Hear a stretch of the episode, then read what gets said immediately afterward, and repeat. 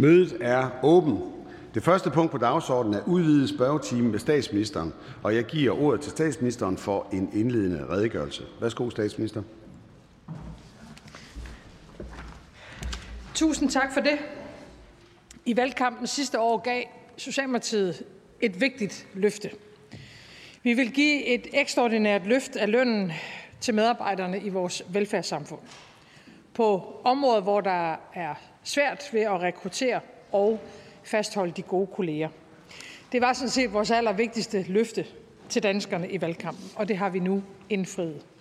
For i sidste uge indgik øh, regeringen en trepartsaftale med fagbevægelsen og arbejdsgiverne på det offentlige område. Den giver et velfortjent lønløft til de medarbejdere, der hver eneste dag passer på vores børn, på vores ældre og på os, når vi bliver syge. Det gælder blandt andet sygeplejersker, social- og sundhedshjælpere, social- og sundhedsassistenter, pædagoger, fængselsbetjente, jordmøder og socialpædagoger. Det bliver et markant løft. Nogen vil få flere tusinde kroner mere om måneden, og det vil kunne mærkes på lønsedlen allerede fra næste år og fuldt ud i 26. Når vi giver et markant lønløft, så handler det om at anerkende og om at gøre det endnu mere attraktivt at arbejde i velfærdssamfundet. Vores mål er selvfølgelig at kunne tiltrække endnu flere dygtige medarbejdere til de fag, hvor vi mangler dem, bidrage til at fastholde de dygtige kolleger, der er, og derfor løfter vi nu grundlønnen for nogle grupper, så det kommer mange til gavn, og vi gør noget målrettet for dem, der gerne vil gå op i tid, og vi belønner dem og jer, der tager de skæve vagter om natten og i weekenden. Lige nu så er der områder, der er mere udfordret end andre. Jeg vil ikke lægge skjul på, at jeg selv er særlig bekymret for ældreområdet. For hvis der ikke er medarbejdere nok, så risikerer vi, at øh, nogle af vores ældre ikke kan få den pleje og omsorg, som de har behov for, og som de i øvrigt fortjener. Så aftalen i sidste uge er i allerhøjeste grad også et løft af ældreomsorgen i Danmark. Jeg vil gerne i den øh, forbindelse understrege, at vi i regeringen sætter pris på alle, der arbejder i vores velfærdssamfund og i det hele taget i den offentlige sektor. Alle udfører et vigtigt stykke arbejde, som gør en forskel. Men hvis alle skulle have haft del i det her lønløft, så ville der have været mindre til den enkelte, og så ville vi ikke få løst de udfordringer, vi står overfor. Sørg for, at der er medarbejdere nok i ældresektoren. At der er flere, der har lyst til at arbejde i psykiatrien. Nok sygeplejersker til at tage sig af os. Også når man er syg om natten. Fængselsbetjente i Kriminalforsorgen. Og at der er pædagoger og socialpædagoger nok omkring børn og folk med særlige behov. Igennem nu et århundrede, der har vi i Danmark opbygget et unikt velfærdssamfund. Et velfærdssamfund, der tager hånd om dem, der har brug for det, 365 dage om året og 24 timer i døgnet. Rigtig meget fungerer godt, men meget både kan og skal blive bedre. Med det her lønløft, så er vi med til at fremtidssikre vores velfærdssamfund. Det er jeg selvfølgelig meget, meget glad for. Spørgetimen i dag gælder også de nordatlantiske medlemmer, og lad mig derfor understrege, at regeringen er optaget af, at løn og arbejdsvilkår er gode for statens ansatte i hele riget. Vi vil sammen med øh, arbejdsmarkedets parter arbejde på at skabe ensartet forhold for alle statens ansatte på tværs af Grønland, Færøerne og Danmark. Jeg ser frem til en god debat i dag. Tak for det, og vi går nu videre med spørgsmål fra partilederne. Jeg skal gøre opmærksom på, at øh, fru Pia Olsen Dyr fra Socialistisk Folkeparti ikke deltager i spørgetimen. Spørgeren og statsministeren har begge op til to minutters taletid. Herefter følger to opfølgende spørgsmål, hvor spørgeren og statsministeren hver gang har et minuts taletid. Og jeg giver nu ordet til fru Akka Mathilde Høgh-Dam fra Siumut. Værsgo. Koyana. Ukiwa taas Ima, i som har tige sutte rappo, der bliver så sådan nærlød, når jeg gør så ret tige billeder sin ret ud sætte mig i folketinget midt. Der er meget slut i dag til at blive masser af som rappo, det sende i som har tige som amma, som min gang net, blive masser af tige rappo, lakker sig sådan når jeg gør så ret tige. Og givne du lytterne, blive morløs, så lærer sig bare sin hjerteløg og ret du så fedt. Danmark i som har sagt nu net til nut. Amma nu net til net, og rundt resten af nærmest sorglo нерисассақарнэрмут аама оқартуссаавиит эққарсаатигалугт тассун тунгатиллугу тусагақаққинникуунгиннатта эрнуманартоқартассиннааваqa таамаамат тоққарлугу аперерусуппара массаккут Danmarkгимит министериунеқ э қану исуллуни наалаккерсуисооқатиги тамаанииттут имаат сулиасса тааннак кивинниарнераат qanerlu э оқартуссаавиит ингерлунеқарлуарниссаат исумагиниарнеқарнерсу For et år siden blev øh, Siumut i Folketinget jo støtteparti for regeringen i kraft af vores engagement med regeringsforhandlingerne. Øh, her har vi under regeringsgrundlaget også øh, sat en klar retning for regeringens ansvar og forpligtelser over for Grønland. Og et citat, som Siumut jo krævede skulle stå i regeringsgrundlag, fastslog blandt andet, at regeringen skulle udarbejde en redegørelse om, hvorvidt og i givet fald på hvilket måde statens opgaver i Grønland kan administreres fra Grønland. Siden da har vi ikke hørt meget mere om regeringen om denne redegørelse, og jeg kan være lidt bekymret for den tilsyneladende mangler på fremgang i gennemførelse af denne redegørelse om statens opgaver i Grønland, som skal sikre, at vi her fra Danmark ikke negligerer det ansvar, man har for Grønland. Så mit spørgsmål til statsministeren lyder, hvordan vil regeringen opfylde dette løfte, og hvor langt er arbejdet noget med at adressere om at administrere statens opgaver i Grønland på grønlandsk jord, som foreslået i regeringsgrundlaget? Statsministeren. Ja, tak for det. Jeg synes øh, selv, at det er en ret vigtig del af det afsnit i regeringsgrundlaget, der vedrører rigsfællesskabet, og endnu en gang en understregning af, at øh, tingene er i bevægelse, øh, og, og øh, det entydigt vil være rigtigt, at endnu flere opgaver varetages der, hvor opgaven jo finder sted, nemlig i det her tilfælde øh, i det grønlandske samfund. Det, der er i gang nu, øh, det er, at man ude øh, i de enkelte ministerier, fordi det er jo fordelt på mange forskellige ressorter, arbejder med det her, både i forhold til det, der bliver spurgt til konkret, men også i at sikre, at øh, almindelig opfølging på det, vi måtte have aftalt tidligere, øh, og øh, kan man sige, altså i, i at sikre, at der er et ressortmæssigt både ansvar, men også engagement på de det er jo mange, mange forskellige områder, vi taler om. Så arbejdet er i gang øh, ude i de enkelte ressortminister, og så vil det så på et tidspunkt blive samlet. Det har jeg også haft lejlighed til at, at snakke med mine kolleger om i, i rigsfællesskabet. Spørgeren. Rønne sosial du sagt om at sulia dessen England retter. I lader til dessen i amadunga til lov at berise rassin naver. Under Mrs. Suenet. Arslagt til sådan nærmere qarersimasor. Qarsaatiga lov. аама тоққарлута ила пиумасариникоориаратсигу сиумумингаанни таанна аама киссаатитут ингерланнеқассасу тааннаами патсисигалуу таперсерсуисуугатта э тассани имма аама аперинеқарсинаавоқ министериунеқ нааторсуутигисиннаанериппу таава сиумумингаанниит арлаатигут атаатсимигиаққунеқарниссарпут пеқатисеринеқарниссарпут э маккунунга amma ilusilersuinissamut misissuinermi ilusilersuinassama eqqarsaatigalo uagummi ilisimasaqarnerpaayavugut sunagissaatiginerlugu suna tunaatarinerlugu taanna piumasarisimanerlugu oqaasinguisinnaangikkut ernumagisinnaagakku amma anguniagaq iluamik imma suliarineqanginnissaa øh, tak for uddybelsen øh, statsminister da det netop også er Siumut, der blandt andet er forslagstiller for, for sådan en redegørelse, øh, og vi endnu ikke er blevet inviteret mere i en form for drøftelse fra regeringerne, var det også blandt andet grunden til, at øh, det her spørgsmål bliver stillet, i det det er lidt svært at se, hvor opgaven er nået hen. Øhm, og drøftelser om formatet og indholdet af den nævnte redegørelse om statens opgave i Grønland øh, er jo trods alt noget, der er blevet specifikt krævet til regeringsgrundlaget. Så kan statsministeren måske bede eller afkræfte, om vi fra Sivmut også kan forvente at blive inviteret til en lignende drøftelser, enten i de forskellige ministerier, eller hvad det næste skridt her er, så vi kan være sikre på, at det er den øh, rette tilgang, vi også har øh, til, til den redegørelse. Statsministeren. Ja, som jeg sagde det før, så skal man ud i de enkelte ministerier gennemgå ressortet for at sikre sig, at der sker en, en fremdrift øh, i arbejdet i det hele taget og opfølgning på regeringsgrundlaget. Og så er det jo noget, vi som regering også diskuterer med Nalake Suisut, øh, som er jo vores samarbejdspartner, øh, hvad, hvad, hvad det her angår. Men, men det vil da være fint øh, også at have øh, en, en form for forankring her i, i Folketinget. Øhm, så det må vi lige overveje, hvordan vi, øh, hvordan vi bedst øh, kan gøre. Men, men som regering er det jo Naalakkersuisut, vi samarbejder med, og når det handler om statens opgaver, vil jeg også synes, det er naturligt, at det er der, øh, dialogen om, hvordan det her præcis skal foregå, finder sted.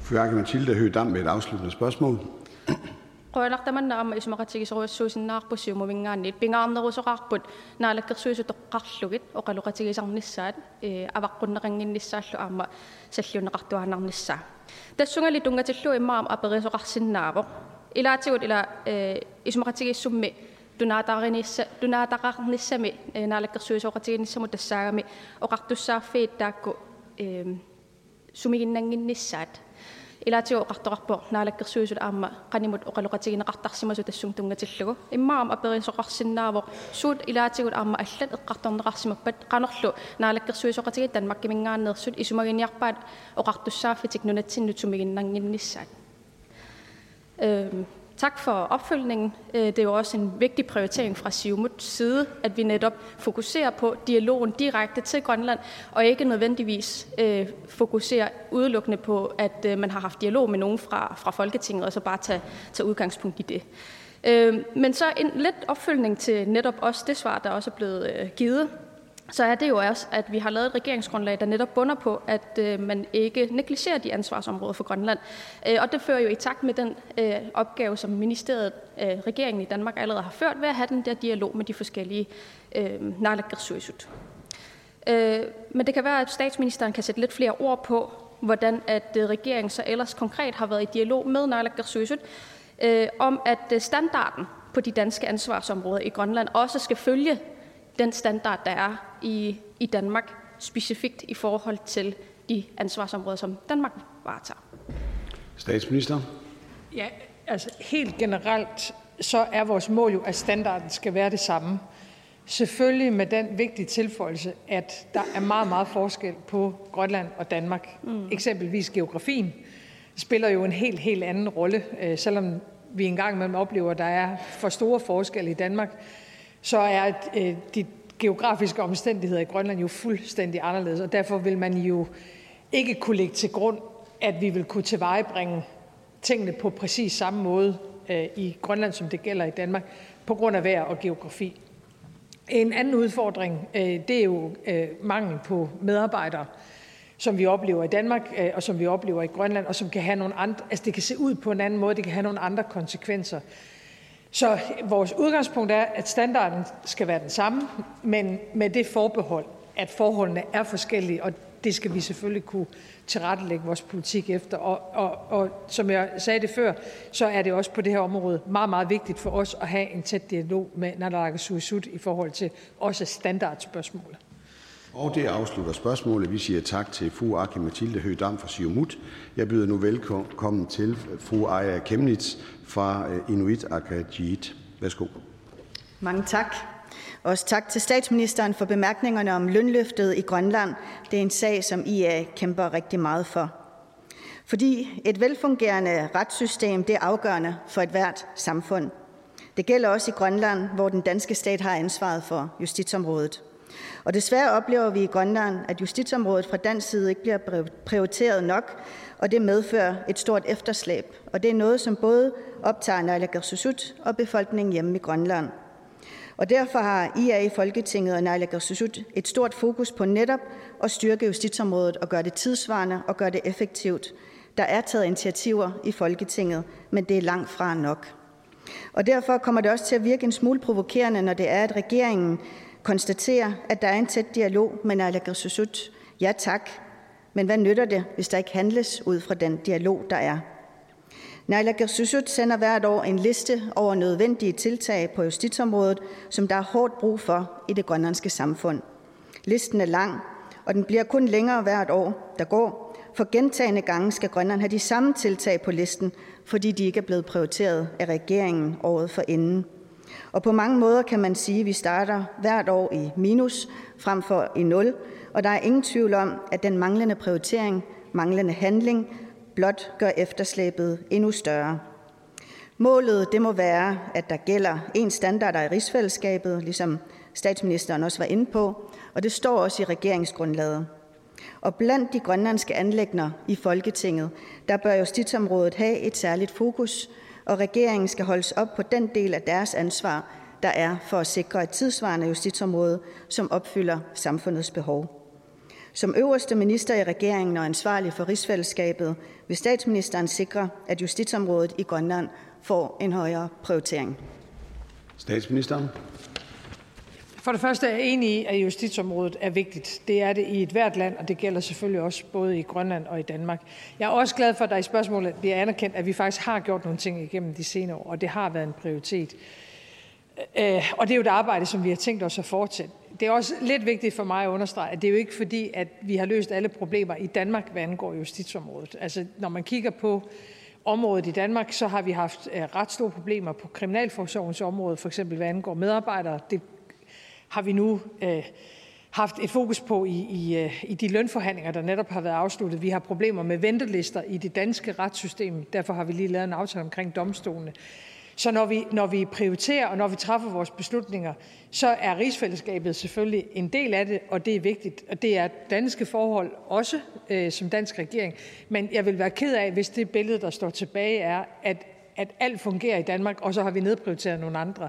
Der er udfordringer på justitsområdet i alle tre lande, og vi forsøger at gøre det så godt vi kan. Og der har været et, et fokus på rigsfællesskabet gennem de senere år. Det skal vi selvfølgelig gøre endnu mere af, det er klart. Spørgeren. Mange tak for svaret. Det er meget positivt, at lønløftet i Grønland, som vi har været med til at sikre, at det kan tjene som eksempel til det lønløft, der for eksempel er til fængselsbetjentene. Vi må bare erkende, at Grønlands justitsområde bliver ikke prioriteret tilstrækkeligt, også på, grund, på trods af det, som statsministeren siger. Og det strider med den retfærdighed og den ligeværdighed, som vi alle sammen taler for. Vi vil gerne gøre op med det ulige magtforhold, der er mellem Grønland og Danmark, og det handler i høj grad om, at regeringen påtager sig de opgaver, som man har, endnu mere ansvarligt, end det vi har set indtil nu. Og derfor vil jeg gerne komme med et konkret eksempel på en manglende prioritering, fordi siden 2019 har naalakkersuisut ønsket at få hævet foranstaltningsrammen fra 10 til 16 år i Grønland, det vil sige den højeste ramme, der ligesom kan være. Det er et simpelt lovindgreb, som har en bred politisk opbakning i Inatsisartut, men desværre er det ikke blevet prioriteret, og årsagen skulle være, at der er manglende pladser i kriminalforsorgen. Og faktisk har vi færre pladser i kriminalforsorgen i dag, end vi havde for 10 år siden. Er statsministeren enig i, at det, det må ikke være anstaltskapaciteten, som er afgørende for retspolitikken i Grønland. Statsministeren. Det er jeg meget enig i, men vi har samme problem i Danmark. Der er det også kapaciteten, der udfordrer os. Jeg er personligt, øh, og regeringen er samme overbevisning, øh, tilhænger af højere straffe, øh, ikke mindst på områder, hvor der er tale om personfarlig kriminalitet. Øh, jeg vil gerne selv have markant højere straffe, eksempelvis vold og voldtægt. Men vi har kapacitetsudfordringer. Det har vi i Danmark, og det har vi i Grønland. Og, og det piner mig, fordi jeg vil jo allerhelst have, at det alene var retspolitiske overvejelser, der afgjorde, hvad det er for en, en retspolitik, vi kan føre. Men i, i det moderne samfund, så er der kapacitetsudfordringer. Det er der også på sundhedsområdet og, og andre steder, og det skal vi så navigere efter så godt vi overhovedet kan. Derfor har vi anmeldt en strafreform, Øh, Øh, hvor vi også kommer til at kigge på kapacitet. Det er ikke så lang tid siden, der blev bygget nyt i Grønland, som jo har været et meget, meget stærkt øh, ønske igennem en årrække. Så principielt er jeg fuldstændig enig i, at kapacitet ikke skal afgøre retspolitik. Men det er desværre et vilkår, som vi bliver nødt til at have med ind i vores overvejelser. Fru Aaja Kemnitz med et afsluttende spørgsmål. Jeg vil gerne takke statsministeren for et, et ærligt svar, øh, og også for sådan indirekte i hvert fald at anerkende, at vi er også nødt til at have et fokus på Grønland, og jeg håber, når der er forhandlinger om det her, at man så også vil invitere Grønland med. I Kriminalforsorgen i Grønland, der opererer vi med en overbelægning på grund af pladsmangel, og det betyder, at der er flere, der afsoner i samme celle. Og i den forbindelse så kunne man i sidste uge læse i avisen AG i Grønland, at der var en 23-årig mand, som havde Øh, som var idømt forvaring på grund af gentagende seksualforbrydelser. Han havde skaffet sig adgang til et børnehjem og voldtaget en, eller begået et overgreb på en, en mindreårig pige, og under tilbageholdelse i anstalten sad han sammen med en ældre medindsat, som han også forsøgt at voldtage. Det her er jo en voldsom sag, og øh, i Grønland er det noget, som vi ser øh, strengt på, og noget, som vi er bekymrede for. Men vi ser også, på trods af, at vi har sikret penge til noget krænkerbehandling, så har vi 24, som afventer afsoning i den her krænkerbehandling. Så det er jo nogle folk, der går rundt ude i det grønlandske samfund og potentielt begår nye overgreb.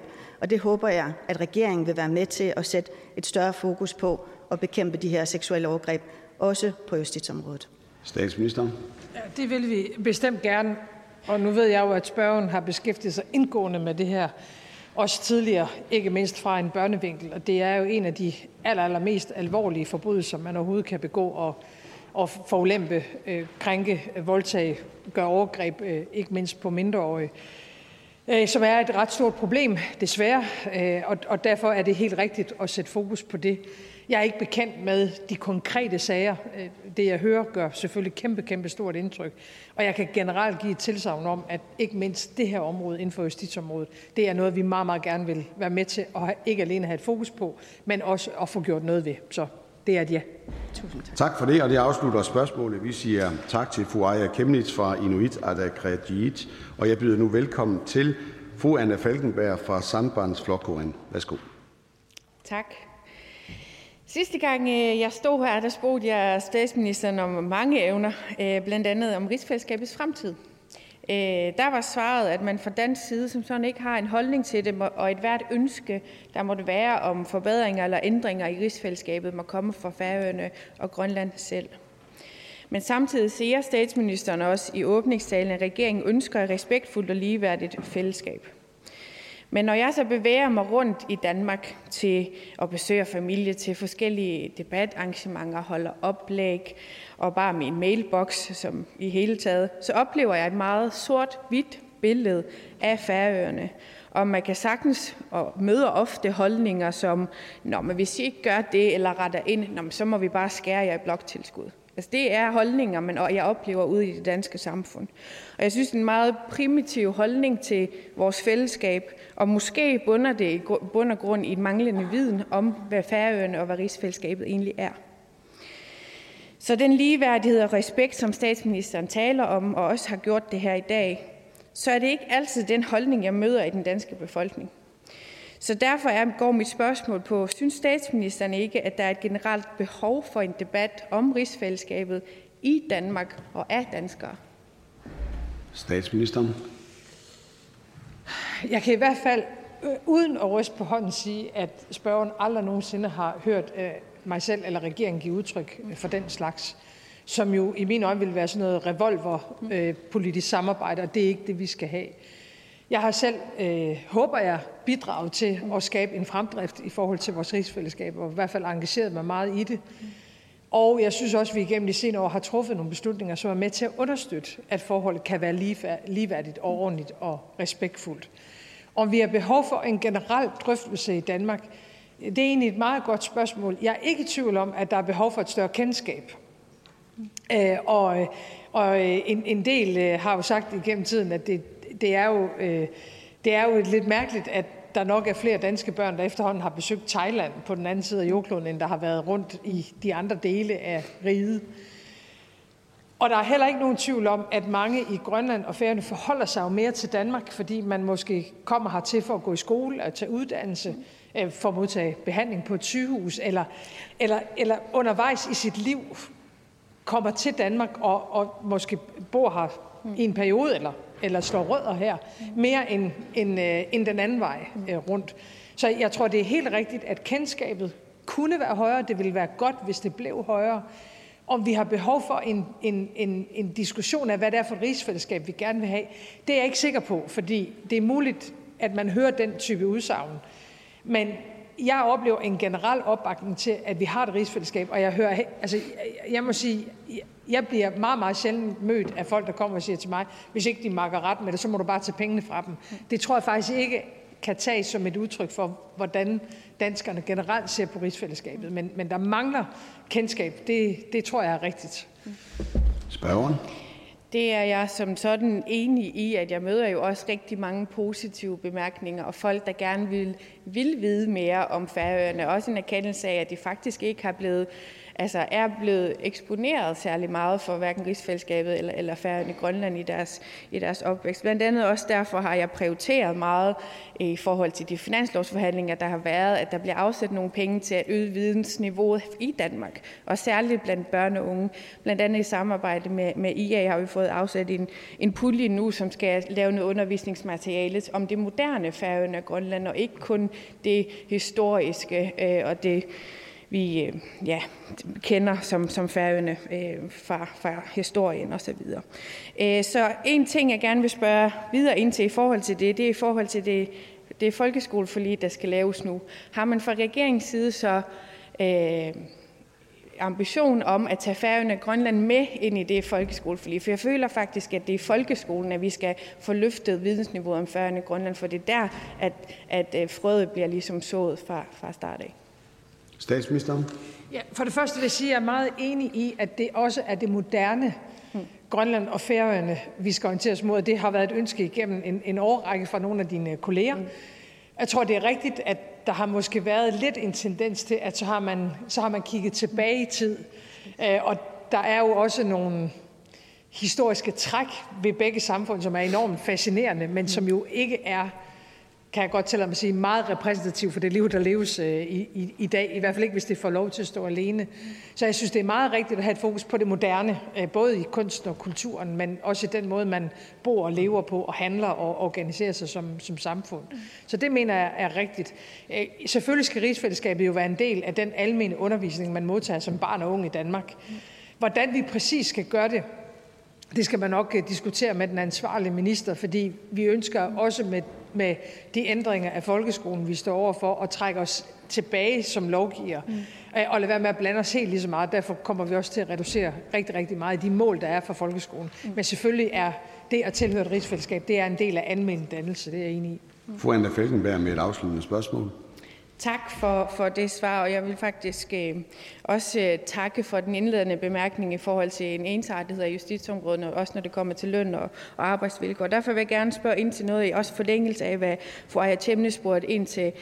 Fordi et er løn og arbejdsvilkår, men det andet er også øh, arbejdsredskaber. For det vi oplever nu, at, øh, at både politiet og kriminalforsorg og domstolen på Færøerne oplever ikke, at de har de samme arbejdsredskaber, som de danske kredse har.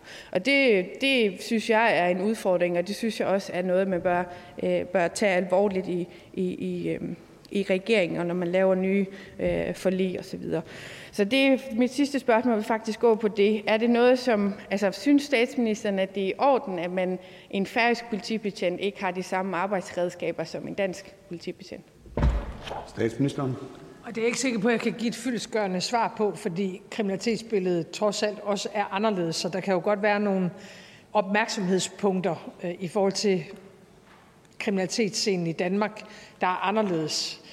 Øh, så det kommer lidt an på, hvad det, hvad det er, vi taler om. Altså generelt vil vi jo gerne være med til at sikre, at der er ordentlige vilkår, både hvad angår kriminalforsorg, politi, domstol, Øh, og som jeg sagde det før, så er, det, så er vi altså ikke tilfredse med det niveau, vi har i Danmark. Så det er i hvert fald vigtigt, synes jeg, efter den her debat i dag, der ikke står et billede tilbage om, at, at, at alt er perfekt i Danmark. Det er det desværre ikke. Der er ventetid. Øh, vi, vi vil gerne have endnu mere politi. Vi vil gerne have højere straffe på, på nogle kriminalitetsformer. Har udfordringer på kapacitet. Øh, og det gælder tilsvarende i andre dele af, af rigsfællesskabet også. Så, så jeg er ikke sikker på, at jeg kan svare helt præcis på det spørgsmål, der bliver stillet. Og det afslutter spørgsmålet. Vi siger tak til fru Anna Falkenberg fra øh, Sambandsflokkuring. Jeg byder nu velkommen til hr. Sjurtrud Skåle fra Jafnavar Flokkuring. Værsgo. Tak for det. Julen står for døren. Svøbt i verdens smukkeste fortælling. Den om, øh, om øh, englen, der siger, frygt ikke til hyrderne på marken om stallen og krybben og budskabet om fred til mennesker med Guds velbehag. Fjås og krubber og frier gjør og i mennesken gode touchen. Det lyder smukkere på ens modersmål, men budskabet om fred er det samme til alle mennesker. Jul og krig passer ikke sammen. Derfor er en af de værste fortællinger, historier fra, fra Vietnamkrigen, den om julebombningerne i 72. Derfor er fortællingen om fra Første Verdenskrig, hvor julenat, øh, øh, hvor, hvor våbnene blev tavse i en julenat, og der i stedet for skud lød salmesang op fra skyttegravene. Noget af det mest gribende, man kan høre om. Op til julen 23 har vi to krige, som står i skærende kontrast til julens håbefulde budskab om fred. Støtten til Ukraine er i fare for at tørre ud. Krigen er grusom i sig selv, men hvis den tørrer ud, så skaber det frygt i Ukraine, frygt i nabolandene, frygt i hele Europa. Krigen i Gaza er grusom i sig selv, men er blevet så voldsom, at den kan, den kan sprede sig til Libanon, til Iran. Der er mange, der som hyrderne på marken hin julenat frygter og som tørster efter håb. Nu er statsministeren ikke nogen engel, der kan komme ned fra de høje med noget budskab. Hun er heller ikke præst. Men hvis hun var præst, ville hun så kunne begrunde juleevangeliets håbefulde budskab i dag? Og hvordan ville hun kunne begrunde det? Hvor er håbet i forhold til de to voldsomme krige? Med hvilken ret kunne man i dag sige, frygt ikke? Statsministeren. Øh, for det første tak for denne øh, poetiske tilgang til spørgetimen, som jeg antager kommer til at stå i skærende kontrast til de spørgsmål, der måtte komme fra dagens øvrige øh, spørgere. Jeg vil ikke forsøge mig ud i en teologisk tilgang til den verden, vi ser. Det har vi, det har vi andre til. Jeg vil sige det på den måde, at det er jo helt rigtigt, det er ikke hverken første og nok desværre heller ikke sidste gang, at en krig står i skærende kontrast til det, vi alle sammen helst vil omkring julen, nemlig sikre, at der er fred, og at vi i øvrigt passer på hinanden øh, som menneskehed. Er jeg selv håbefuld? Ja, det er jeg øh, absolut, fordi vi som menneskehed har overvundet, selvom der er tale om to meget, meget, meget svære situationer, så har vi overvundet ting, der var værre end det, vi står med nu. De seneste par år har Europa og Vesten vist sig fra vores aller, aller stærkeste side med vores sammenhold imod Rusland for Ukraine. Det skal vi fastholde.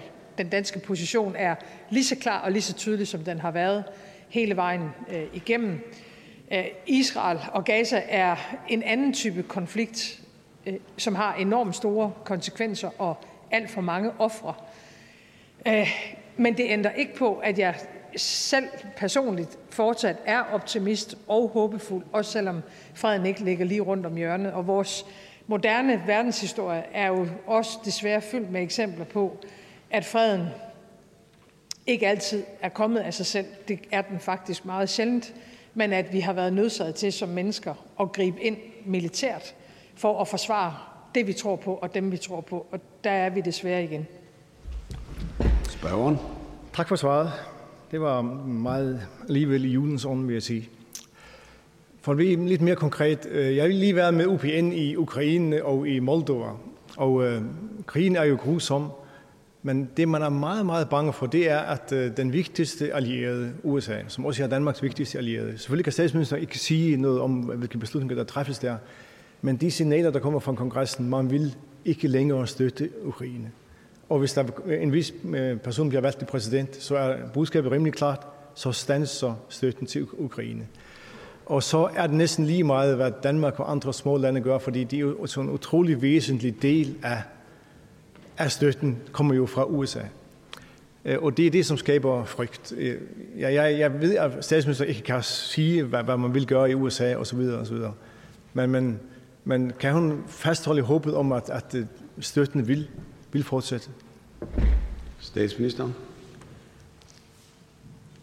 Der er ingen tvivl om, at vi er, vi er ved et af de steder, hvor Europa, som jo er det, vi som Danmark har indflydelse på, ikke hvad der sker i USA. Vi har indflydelse på, hvad der sker i Europa, hvor vi afgør, hvem vi vil være.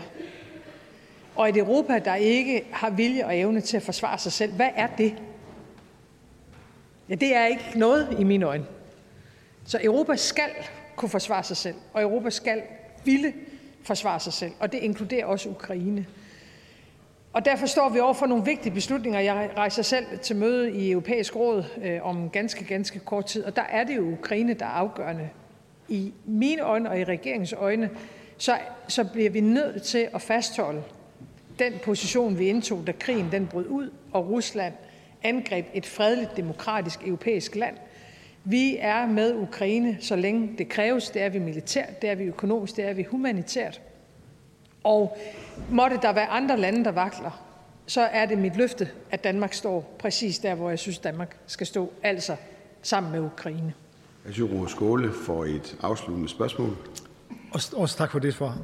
også tak for det meget klare svar. Når det gælder den anden konflikt, så er jeg meget glad for, at statsministeren sagde, at Israel har både ret og pligt til at forsvare sig. Efter det angreb, der var 7. oktober, som jo var så bestialsk, så sadistisk, så, så perverst, som man overhovedet kan tænke sig. Selvfølgelig har Israel ret til at forsvare sig. Og øh, det kan ikke undgås, at der er civile tab, når terroristerne gemmer sig blandt civile og under hospitaler osv. Sådan er det. Det, det, det er krigens øh, redselsfulde logik.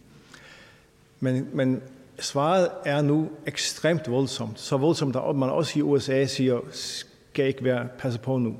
Det, det, det vækker, vækker en, en, en meget stor vrede i Europa selvfølgelig, men ikke mindst i Mellemøsten. Og uh, at der er mange, der mener, at svaret er blevet så voldsomt, at det kan føre til noget værre. At, uh, at Libanon og, og Iran bliver draget ind. Jeg ser statsministeren nogen frygt for, at, at det sker? Statsministeren? Nogen fare for det? Ja, den bekymring har der jo faktisk været øh, siden den aller, aller første dag, altså før der overhovedet kom en reaktion fra Israels side. Jeg tror ikke, man må undervurdere, øh, hvilken øh, øh position Iran har øh, i det her, øh, og ej heller hvilken position Hezbollah har i forhold til øh, Hamas og de relationer, der er. Øh, så, så man kan sige, at den bekymring har der jo været øh, hele vejen igennem, og det er selvfølgelig noget, det internationale verdenssamfund er meget, meget opmærksom på. Det er også vigtigt at sige, at, øh, at Israel selvfølgelig har ret til at forsvare sig selv. Man skal gøre det inden for international lov og har en forpligtelse til at passe på civile. Øh, vi har valgt fra dansk side at give mere i humanitær bistand. Vi har støttet, at der er pauser øh, i, øh, i den væbnede konflikt, så vi kan få nødhjælp ind og, og hjælpe øh, de alt for mange mennesker, der desværre er berørt af det her. Men bekymring i forhold til, at andre regimer eller bevægelser, med hvem vi ingen værdier deler, blander sig i det her, den har været der hele vejen igennem. Det er helt rigtigt. Og det afslutter spørgsmålet. Vi siger tak til hr. Sjurur Skåle fra Jafnavar Flokkorin. Jeg byder nu velkommen til fru Inger Støjberg fra Danmarksdemokraterne. Lige for lidt siden, der sagde statsministeren, at der er nogle øjeblikke, der ligesom definerer os, øh, hvad det er for et land, man vil være. Øh, og et af de øjeblikke, det var jo i øh, torsdags, hvor øh, indgrebet omkring ytringsfriheden blev stemt igennem her i Folketinget med meget snævert flertal. Øhm, jeg er ikke i tvivl om, at historien kommer til at dømme flertallet hårdt. Tænk sig at være i den generation, der indskrænker ytringsfriheden. Det har været sådan, at generationer før os har lagt et fundament af frihedsrettigheder, som øh, vi har en forpligtelse til, både, synes jeg, at stå fast på, men jo også i et vist omfang at udvide. Øhm, det sker så i øvrigt også på 80-året for øh, opgøret med samarbejdspolitikken. Det var også et definerende øjeblik for øh, Danmark. Øhm, dengang Øh, gik det op for danskerne, at man ikke kan indgå et kompromis med ufriheden. Men øh, det er det, man har gjort nu, forsøgt at indgå et kompromis med ufriheden. Man har lavet sig koste rundt fra regeringens side af ufrie kræfter i Mellemøsten og herboende muslimer, der har krævet, at vi skal leve på en anden måde. Det er skamligt, og øh, jeg har meget, meget svært ved at forstå, at regeringen har gjort det her. Man kan ikke forhandle med ondskab, og man kan ikke indgå et kompromis med ufriheden. Nu ved islamisterne, at de kan koste rundt med den her regering. Vil ministeren, statsministeren ikke i dag bekræfte, at årsagen til indgrebet netop er, at der har været pres fra muller i Mellemøsten og ufrie kræfter, også herhjemme og andre steder i Europa. Statsministeren. Jeg kunne egentlig godt tænke mig, når jeg nu får muligheden for det, lige at gå øh, et par øh, års skridt tilbage. Da den daværende blasfemiparagraf øh, blev afskaffet, der var der et parti, der stemte imod, og det var Socialdemokratiet. Øh, og jeg husker debatten ret tydeligt, fordi jeg dengang var formand, det er jeg stadigvæk, men det var jeg også dengang, for Socialdemokratiet. Og grunden til, at vi ikke ønskede som det eneste parti at afskaffe blasfemiparagrafen, det er, at øh, vi nok har det øh, lidt anderledes med, hvad ytring det er, når man brænder hinandens bøger. Øh, og det vil jeg egentlig gerne uddybe lidt, fordi øh, jeg har kæmpet for øh, grundlæggende menneskerettigheder hele mit liv. Og ytringsfriheden er selvfølgelig en af de allermest fundamentale. Ser man på historien omkring bogen, så har al kamp om ytringsfrihed, hvad angår litteraturen og bogen, handlet om det stik modsatte af det, vi snakker om her. Den har handlet om at give mennesker ret til at skrive det, de gerne vil. Den har handlet om at give øh, folk lov til at trykke.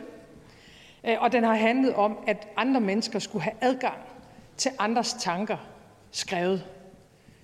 Den har aldrig handlet om, at man skal urinere på andres bøger, at man skal pakke den ind i mystiske ting, at man skal skænde den, eller man skal brænde den. Så jeg vil sige helt grundlæggende og for egen regning, for mig er det ikke ytringsfrihed at brænde hinandens bøger. For mig er ytringsfrihed, at man netop ytrer sig, at man kan tale, at man kan skrive. Øh, og derfor tror jeg, at vi ser det her lidt forskelligt, og de, den historiske betoning på det her er jo også forskelligt øh, partierne imellem. Øh, så så når, det, når det kommer til ytringsfrihed, så øh, øh, vil jeg øh, kæmpe for den til evig tid. Den gamle læresætning om, at dine holdninger er mig vederstyggelige, men jeg vil dø for din ret til at have dem, eller hvordan ordene nu præcis faldt, er rigtige. Men jeg har ikke selv noget ønske om øh, at brænde andres bøger, øh, og kan faktisk heller ikke lide, når folk gør det, hvis jeg skal være helt ærlig. Fru Inger Støjberg.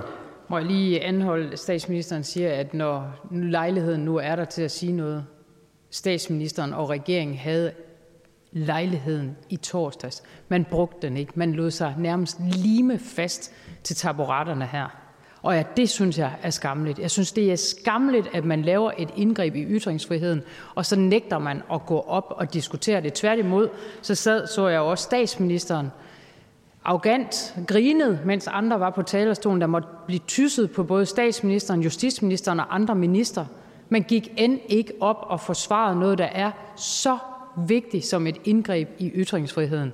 Så lad mig lige sige til statsministeren, statsministeren havde muligheden i torsdags for at gå op og udbrede sine tanker, og det synes jeg havde været på sin plads. Og hvis ikke statsministeren ville, og det ville statsministeren ikke, så kunne justitsministeren have gjort det. Det gjorde han ikke. Det er skamligt, og det var pinligt, og det er virkelig noget, der vil sætte sig, tror jeg, i forhold til danskernes respekt for den her regering, og det håber jeg også, det vil. Statsministeren. Rolig, rolig, rolig, rolig. Øh, der har været en ualmindelig lang behandling af det her. Øh, der har været lange øh, første behandlinger, der har været masser af udvalgsbehandlinger, der er masser af folk, der har stillet op til debatter. Altså, lad os nu diskutere det her på en ordentlig måde.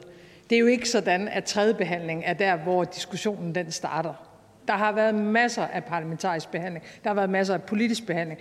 Det, det har jo været øh, øh, vel nærmest det gennemgående tema i den politiske offentlige debat helt tilbage fra sommer. Så der har været masser af mulighed for indlæg, og der har været masser af mulighed øh, for behandling. Øhm, jeg, jeg synes, vi skal diskutere øh, det her, så længe der selvfølgelig er en interesse for det. Jeg har det bare anderledes med ytringsfrihed. Øh, og jeg, jeg, jeg synes øh, altså, helt oprigtigt, jeg bryder mig ikke om, at man brænder hinandens bøger. Og jeg behøver jo ikke at sige ret meget, når jeg nu siger, at en af de få gange i verdenshistorien, hvor man har gjort det, der var det de forkerte, der brændte. Fru Inger Støjberg. Jeg brænder heller ikke koraner af, og jeg kommer heller ikke til at brænde koraner af. Men statsministeren må også acceptere og respektere, at der også er mennesker i det her land, der ikke kan, som statsministeren siger, skrive bøger eller udgive bøger eller trykke bøger. Der er mennesker i det her land, der udtrykker sig på en anden måde. Det er også ytringsfrihed, og den ytringsfrihed fratager statsministeren og regeringen nu de her mennesker. Og det er sådan set helt principielt, det her, øh, statsminister. Men øh, jeg har godt set, at øh, man ikke mener, at man skal, skal diskutere det her mere. Det er jo rigtigt, vi har kunnet diskutere det med regeringen tidligere, men det ændrer ikke på, at det er en skamplet på demokratiet, at man ikke vil diskutere den her sag under tredje behandling.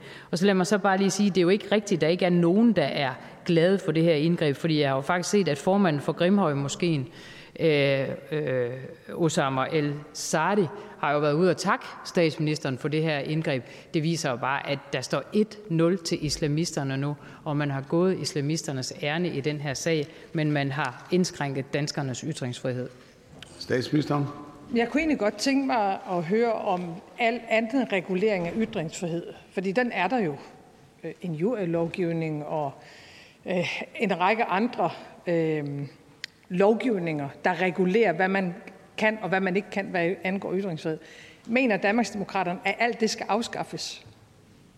Jeg går ud fra, at når statsministeren stiller spørgsmål til mig nu, så må jeg også Det svare. er jo sådan, at øh, det her afslutter spørgsmålet til den Men debat. ellers så kan jeg sige, at det er ting, vi har besluttet med hinanden, fordi det er den måde, vi lever på her, hvorimod at det her indgreb det er besluttet af muller i Mellemøsten og ufrie kræfter i Danmark og resten af Europa. afslutter spørgsmålet. Vi siger tak til fru Inger Støjberg fra Danmarksdemokraterne. Jeg byder velkommen til hr. Alex Vanopslagh, Liberal Alliance. Værsgo. Tak for det. Øh, Vi forhandler jo i, øh, faktisk i disse dage og timer øh, skat her i Folketinget med regeringen, og det er sådan set også mit, mit fokus her i dag til spørgetimen. Og i særdeleshed øh, regeringens øh, bebudet øh, nye millionærskat, øh, top-top-skatten tror jeg, man selv kalder det. For, for der undrer det mig noget, at øh, de seneste måneders sådan, øh, debat og kritik af den her nye millionærskat ikke har gjort et større indtryk. Og jeg tror egentlig, det, der generer mig mest ved det her forslag, det er, at det forekommer ikke særlig gennemtænkt. Det forekommer usagligt. En ting er at have en uenighed om, hvorvidt høje indkomster skal beskattes øh, mere. Men det her det er jo ikke bare en skat på folk, der tjener mange penge. Det er en særskat på danskfødte lønmodtagere. Det er en særskat på lønmodtagere, nogle af de, de største talenter i dansk erhvervsliv, øh, chefer og direktører, med et dansk pas. For hvis en dansk virksomhed vil ansætte, lad os sige, to direktører, den ene er fra Tyskland, den anden er fra Danmark, de er begge to over øh, top-top-skattegrænsen, ja, tyskerne skal betale 33 procent i skat på forskerskatteordningen, og nu skal danskerne så betale mere end 60 procent i skat. Og den her gruppe mennesker, de, de, de agerer jo på, på det internationale marked. Virksomheden kan hente fra udlandet, de kan rekruttere i Danmark, og de mennesker, der, der har høje stillinger i erhvervslivet, de kan også bare smutte til udlandet, hvis det er det, de vil. Og hvis nu en dansk virksomhed vil give det samme i løn efter skat til en dansk direktør som til en udlænding, ja, så koster det dobbelt så meget. Og derfor er den mest sandsynlige konsekvens, ifølge blandt andet Lars Sandal, af den her nye millionærskat, ja, det er enten, så må man droppe de danske talenter og så bare hive udlandske ind. Det synes jeg vil være ærgerligt. Eller alternativet det er, at så må man jo på grund af regeringens nye millionærskat hæve bruttolønnen, altså lønnen før skat, til danskerne for at fastholde dem. Og så kan en konsekvens af regeringspolitik bare være, at millionærlønningerne bliver endnu højere. Og i så fald vil statsministeren så love, at Socialdemokratiet ikke kommer til at udskamme de her virksomheder for at hæve lønningerne. Statsministeren. Ja, altså, jeg vil, øh, jeg vil nok ikke selv have problemer med, at vi så tilsvarende gjorde noget ved forskerskatteordningen. Det var jo den anden vej at gå. Øh, Det er ikke regeringsposition, men, øh, men, men jeg vil ikke selv ligge søvnløs over at lave øh, nogle, øh, nogle indgreb der. Jeg er utrolig glad for den her øh, top-top-skat. Det må jeg bare sige, og det er selvfølgelig, fordi vi er politisk uenige. Mm. Øh, jeg betaler selv øh, min skat med glæde, øh, og ved jo, at det er det, der er forudsætning for at have et ordentligt øh, velfærdssamfund. Og når man kigger på vores samlede skattepolitik, så, så er den jo netop udtryk for, synes jeg, en rigtig, rigtig god balance med fokus på folk, der er i beskæftigelse. Nogle kommer til at bidrage mere, nogle kommer til at bidrage mindre. Så jeg synes, det er en, en, en rigtig, rigtig god idé. Jeg håber selvfølgelig også på, at den er en del af den endelige skatteaftale, som forhandles øh, færdig netop nu med en del af, af Folketingets partier. Øh, det er jo en gammel diskussion, det her med, når vi beder nogen, og vi har jo et progressivt skattesystem i Danmark, når vi beder nogen om at bidrage mere, gør det så, at, øh, at konkurrencevilkårene bliver sværere. Det er, ikke, det er ikke et nyt argument, det er heller ikke en ny påstand. Indtil nu er tingene jo gået meget godt, øh, hvad det angår i Danmark, så, så jeg har rimelig øh, ro i, i maven. Og som jeg sagde indledningsvis, altså, der er jo også den vej at gå, og så forringe de forhold, der er omkring øh, forskerskatteordningen, men det tror jeg ikke er det, Liberale Alliance ønsker. Spørgeren. Nej, det er ikke et brændende ønske, men det er sjovt, at statsministeren nævner det, fordi det er jo da faktisk noget af det, vi har foreslået i de her forhandlinger, det er at sige, at i stedet for at indføre den her top-top-skat, og så bringe forskellen mellem øh, udlandsk personale og dansk personale endnu mere i ubalance, apropos balancer, jamen hvad med, at man så måske havde en smule progression inden for forskerskatten, og så behøver man ikke at indføre top-top-skatten. Det er dejligt at høre, at det har statsministerens opbakning. Vi må se, om det så også har regeringsopbakning. Men vi er egentlig med på at se på, hvordan kan vi tilfredsstille regeringens behov for at give et godt i nøden til de rige svin, men til gengæld lade være med at indføre den her usaglige øh, top-top-skat. Og det er jo ikke sådan i dag, at, at dem, der betaler topskat, ikke bidrager til det danske samfund. Det gør de i allerhøjeste grad. Det er dem, der bidrager allermest målt i, i, i skattekroner. Der, hvor jeg synes, regeringens politik og forslag er uheldig, det er jo, at det, sker, det, det, det laver den der skævvridning.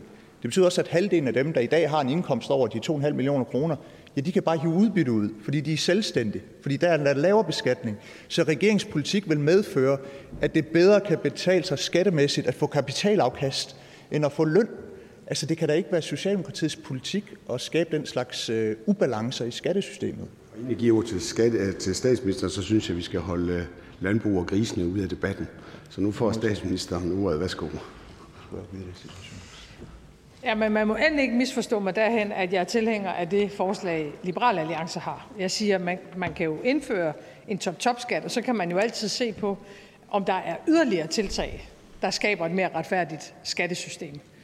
Øh, øh, og, og, og det, det, spørgsmålet bunder jo i en grundlæggende forskellig tilgang til til det at betale skat og værdien af det, og hvor man synes, øh, trykket så at sige skal lægges. Og det handler jo ikke kun om balance i forhold til internationale arbejdstagere, direktører og andre.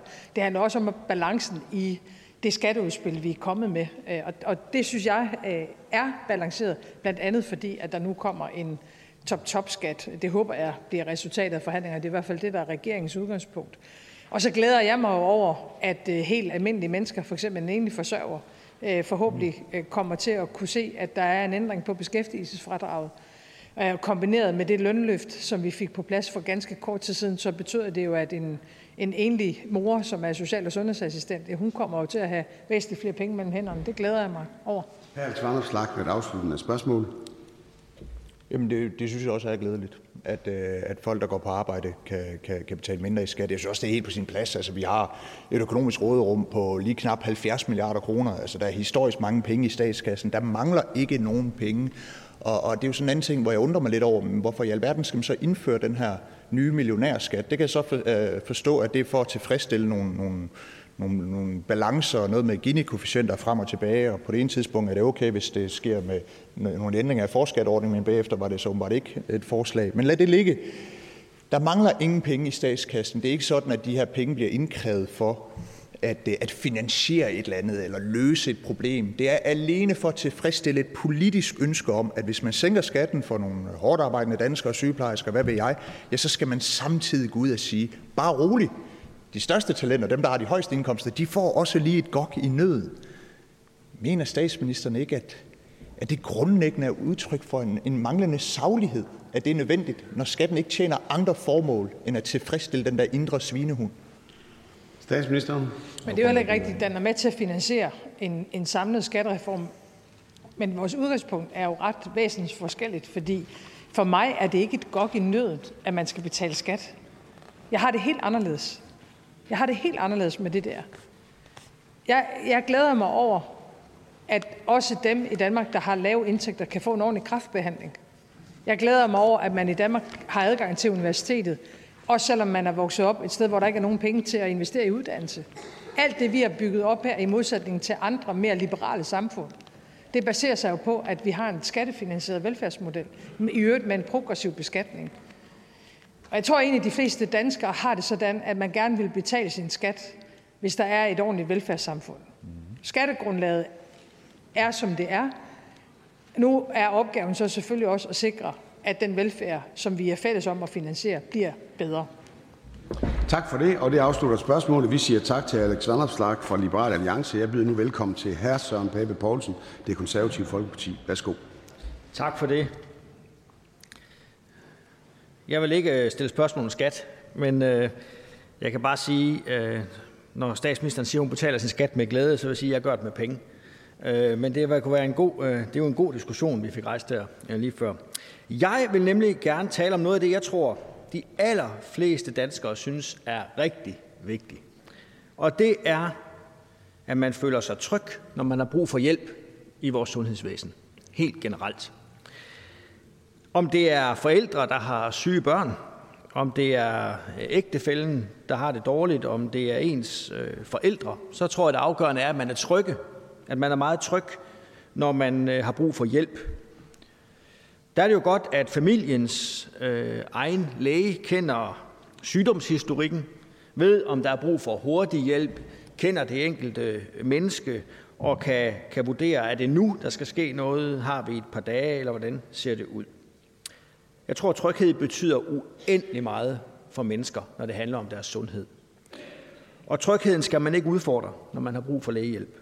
Og derfor blev jeg meget negativt overrasket over, at et flertal i danske regioner, der nu har besluttet sig for, at de vil have sådan et, et ekstra led ind mellem de praktiserende læger og deres patienter.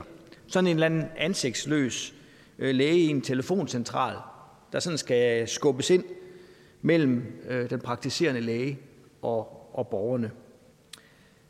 Jeg skal ikke kunne sige, om det ser godt ud på et stykke papir, om der er sådan nogle kasser, der passer rigtig godt øh, sammen.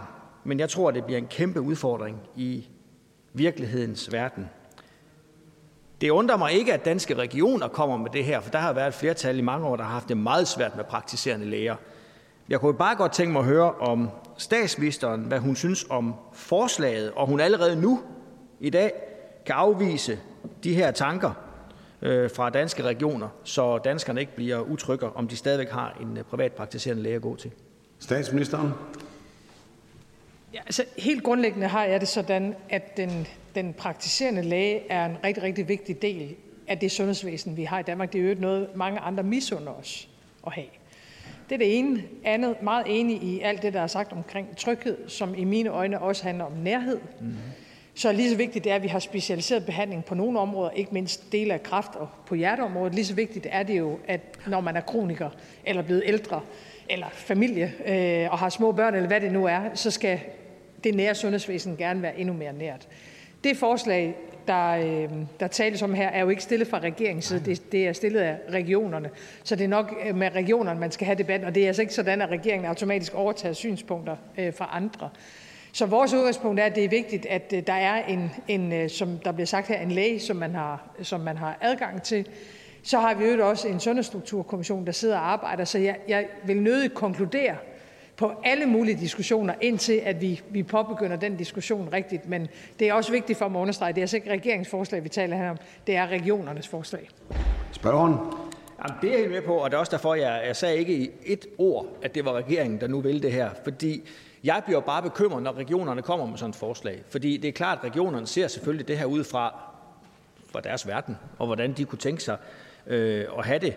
Øh, mit eget parti øh, stemte imod i, i Danske Regioners bestyrelse, fordi vi synes, det er utrolig vigtigt, at man har den her nærhed til sin egen øh, privatpraktiserende øh, læge.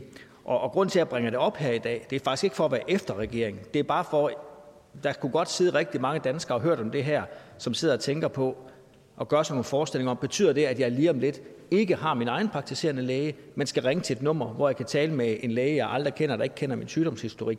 Og det er derfor, jeg spørger, og det er også derfor, jeg spørger om reaktionen. Det er ikke af, af misrespekt for, af disrespekt for, at, at der ikke er en sundhedsstrukturkomité. Jeg synes bare, det er meget vigtigt at have den helt principielle holdning, også fra regeringens side, og det er derfor, jeg spørger om det, om man har de tanker i den retning, eller man synes, det er nære, og den privatpraktiserende læge har så stor en værdi, at det kommer man ikke til at fjerne. Statsministeren. Det, der først og fremmest optager os på sundhedsområdet, det er at få skabt mere nærhed i sådan hverdagssundhedsbilledet, hvis man kan tillade sig at kalde det det. Og så er det at få løst nogle af de problemer, som det ikke er lykkedes nogen at løse, og jeg påstår ikke, at det er nemt, mm. nemlig at vi endnu ikke har fået det til at fungere i Danmark mellem, hvad der præcis sker ved den praktiserende læge, hvad der sker på sygehuset, hvad der sker i kommunen. Det kan være rehabilitering eller genoptræning øh, og også andre ting. Øh, og de der sammenhæng har vi haft rigtig, rigtig Der er gjort alle mulige, øvrigt også gode forsøg på det, men vi har aldrig fået skabt den rigtige sammenhæng. Det er det, vi er optaget af. Så er vi øvrigt også optaget af ulighed i sundhed. Øh, jeg må bare sige som nordjyde, Øh, der kan jeg jo se, at der er nogle forskelle mellem, om man bor på dele af Sjælland, eller man bor øh, inde midt i København. Der er jo også forskel, hvor man bor i København. Og der er øh, forskel, om man bor i et område øh, som er længere væk fra de større byer, eller man bor øh, netop i de større byer. Den ulighed, den geografiske ulighed, er vi meget optaget af. Jeg, jeg synes ikke, det rigtigt vil være i den her sundhedsdebat at, at tage alle idéer og bare skyde dem ned. Jeg vil bare gentage, at det her det er ikke regeringens hverken forslag øh, eller udgangspunkt, det er danske regioners. Hr. Søren Pape Poulsen med et afsluttende spørgsmål. Jamen, det er jeg rigtig øh, glad for. Altså, så har vi jo haft en spørgetid her, hvor jeg faktisk føler, at jeg kan gå tilbage, og i hvert fald føle, at jeg har fået det tætteste, jeg nok kommer på et tilsavn i sådan en debat her, når det gælder øh, de privatpraktiserende læger, og det, at man har en, en øh, sin egen læge, altså en, der kender ens øh, øh, historik. Jeg ønsker jo ikke, at man ikke kan komme med nye forslag, fordi den der sundhedsmæssige Bermuda-trekant, som statsministeren nævnte der, det er jo noget, der har været arbejdet med i flere år, som er en kæmpe udfordring for hele vores sundhedsvæsen. Øh, øh, men, men nogle gange, og jeg er enig, at man skal ikke skyde alt ned, men nogle gange, så skal man jo skyde noget ned ret hurtigt, så det ikke udvikler sig videre, og nogen bruger en masse tid på noget, som ikke skal, øh, skal være der. Og jeg kan jo så her til sidst spørge, om, om øh, statsministeren synes, at øh, regionerne i deres tid øh, har, har været særlig dygtige til at løfte opgaven og udvikle det nære sundhedsvæsen. Nu har de i hvert fald haft 17 år til det indtil videre. Statsministeren.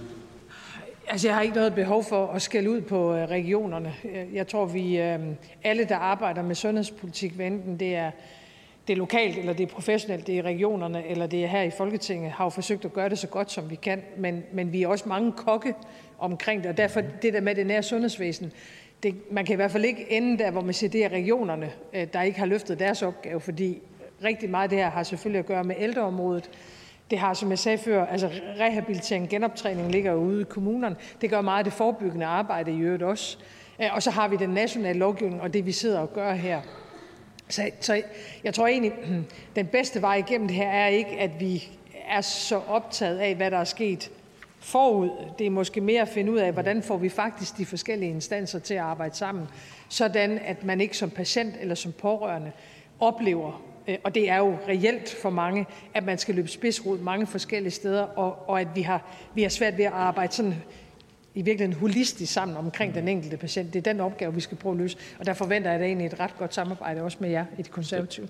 Og det afslutter spørgsmålet. Vi siger tak til hr. Søren Pape Poulsen fra det konservative Folkeparti. Jeg byder nu velkommen til hr. Pelle Dragsted fra Enhedslisten. Tak for det. Og øh, først et øh, tillykke til statsministeren med etårsfødselsdagen for regeringen i den her uge. Jeg kan se, at glimmerjakken er kommet på måske den, i den anledning. Øh, men jeg må også være ærlig at sige, at øh, jeg jo selvfølgelig håber, at det bliver den sidste fødselsdag, som den her regering skal øh, fejre. Øh, for efter det første år, der synes jeg, at det er blevet ret klart, at, at det her ikke er den regering, som sådan den jævne dansker har, har brug for, øh, og som værner om almindelige menneskers interesser af lønmodtagere, pensionister, øh, små selvstændige og andre. Tværtimod en regering, som er optaget af at varetage snævre interesser, som når man lader ejendomsspekulanter slippe for at betale skat af deres gevinster, som når man bruger milliarder på skattelettelser til mennesker med millionindtægter, som når man vil lade arvinger øh, til virksomhedsejere slippe billigere i afskat end alle andre danskere. Øh, og som samtidig lige nu jo lader rigtig mange mennesker i stikken, øh, som er ramt hårdt af inflationen. Øh, førtidspensionister, det store flertal af danske folkepensionister, som ikke modtager ældrecheck, folk, der er ramt af sygdom øh, og arbejdsløshed. Og så er det en regering, som, og det, det er måske det værste, og det er det, mit spørgsmål i dag skal handle øh, om, øh, slet ikke øh, tager den krise, som der er i vores velfærd og vores sundhedsvæsen, øh, alvorligt nok. Regeringen snakker, og det har vi også hørt i dag, om, om de her investeringer i velfærden, øh, men virkeligheden derude er jo, at lige nu, mens vi taler her, der fyrer man sygeplejersker, der fyrer man sosuer, der fyrer man øh, jordmøder. Øh, Lad os tage øh, for eksempel øh, Region Nordjylland, hvor statsministeren er valgt. Der skal der nedlægges, øh, og hold nu fast, 230 stillinger. Her er 113 sygeplejersker og sosu-stillinger. Øh, og ansvaret for de nedskæringer, det ligger jo kun et sted, og det er hos regeringen. så mit spørgsmål er ganske enkelt. Øh, vil regeringen lukke det hul, den har efterladt i regionerne og kommunernes økonomi, så vi kan undgå de her brutale nedskæringer herunder i Region Nordjylland? Statsministeren.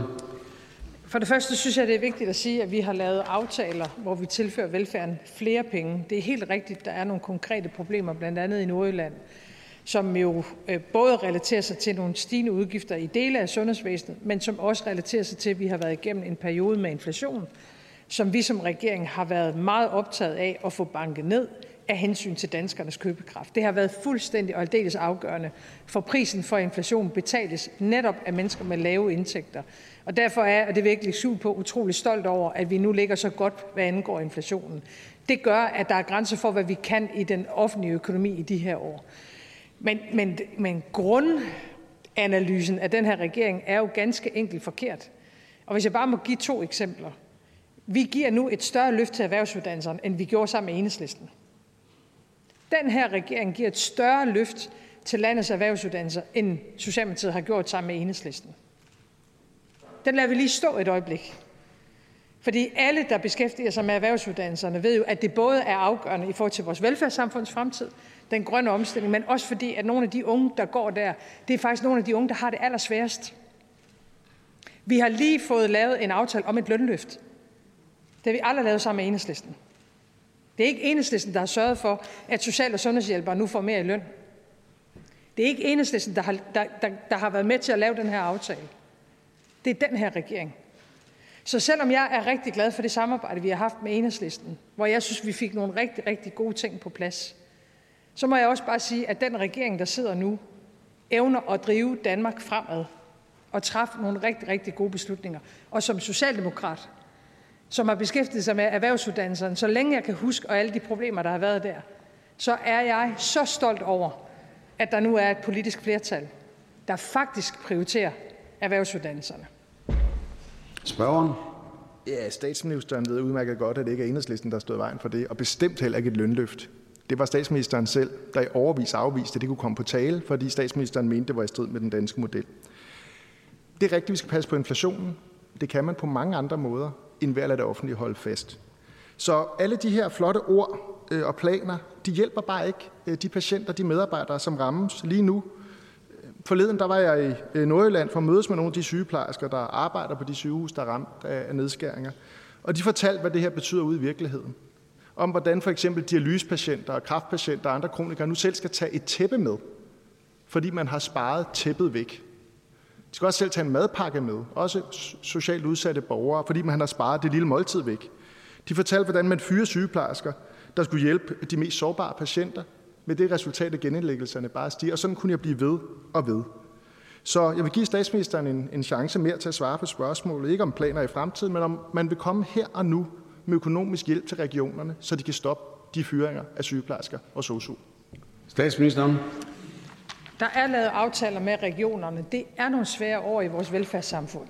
Øh, og, og man kan jo altid sige, at man kunne føre den økonomiske politik på en anden måde. Det er rigtigt, det kan man jo. Det er bare svært, synes jeg, i dag at argumentere for, at det ikke har været succesfuldt, det vi har gjort. Fordi for ikke ret lang tid siden havde vi en inflation på 10 procent. Den højeste i 40 år eller deromkring. Nu har vi en inflation, der, der ligger lige omkring 0. Den steg en lille bit smule, men, men, men jo er lav i forhold til mange andre lande. Det har en kæmpe betydning for alle i Danmark, men det har især en stor betydning for dem med lave indtægter. Så det at få inflationen under kontrol og få den banket ned, det har været en af vores aller, aller, aller vigtigste opgaver. Øh, og, og det gør, at det er nogle svære år som velfærdssamfund, også fordi der er nogle udgifter, der bare stiger og stiger, blandt andet på det specialiserede område og på medicinområdet. Så der, der ligger øh, nogle vigtige opgaver foran os. Må jeg så ikke bare sige, at en af grundene til, at vi nu kan prioritere erhvervsuddannelserne på et højere niveau end før, det er fordi, vi har lavet en universitetsreform. Den stemmer enhedslisten imod. Så man holder altså fast i, at man vil hellere bruge pengene på nogle uddannelser for de få, i stedet for at bruge de penge på nogle af de unge, der har allermest behov for en uddannelse. Den prioritering forstår jeg faktisk ikke. Jeg forstår den ikke.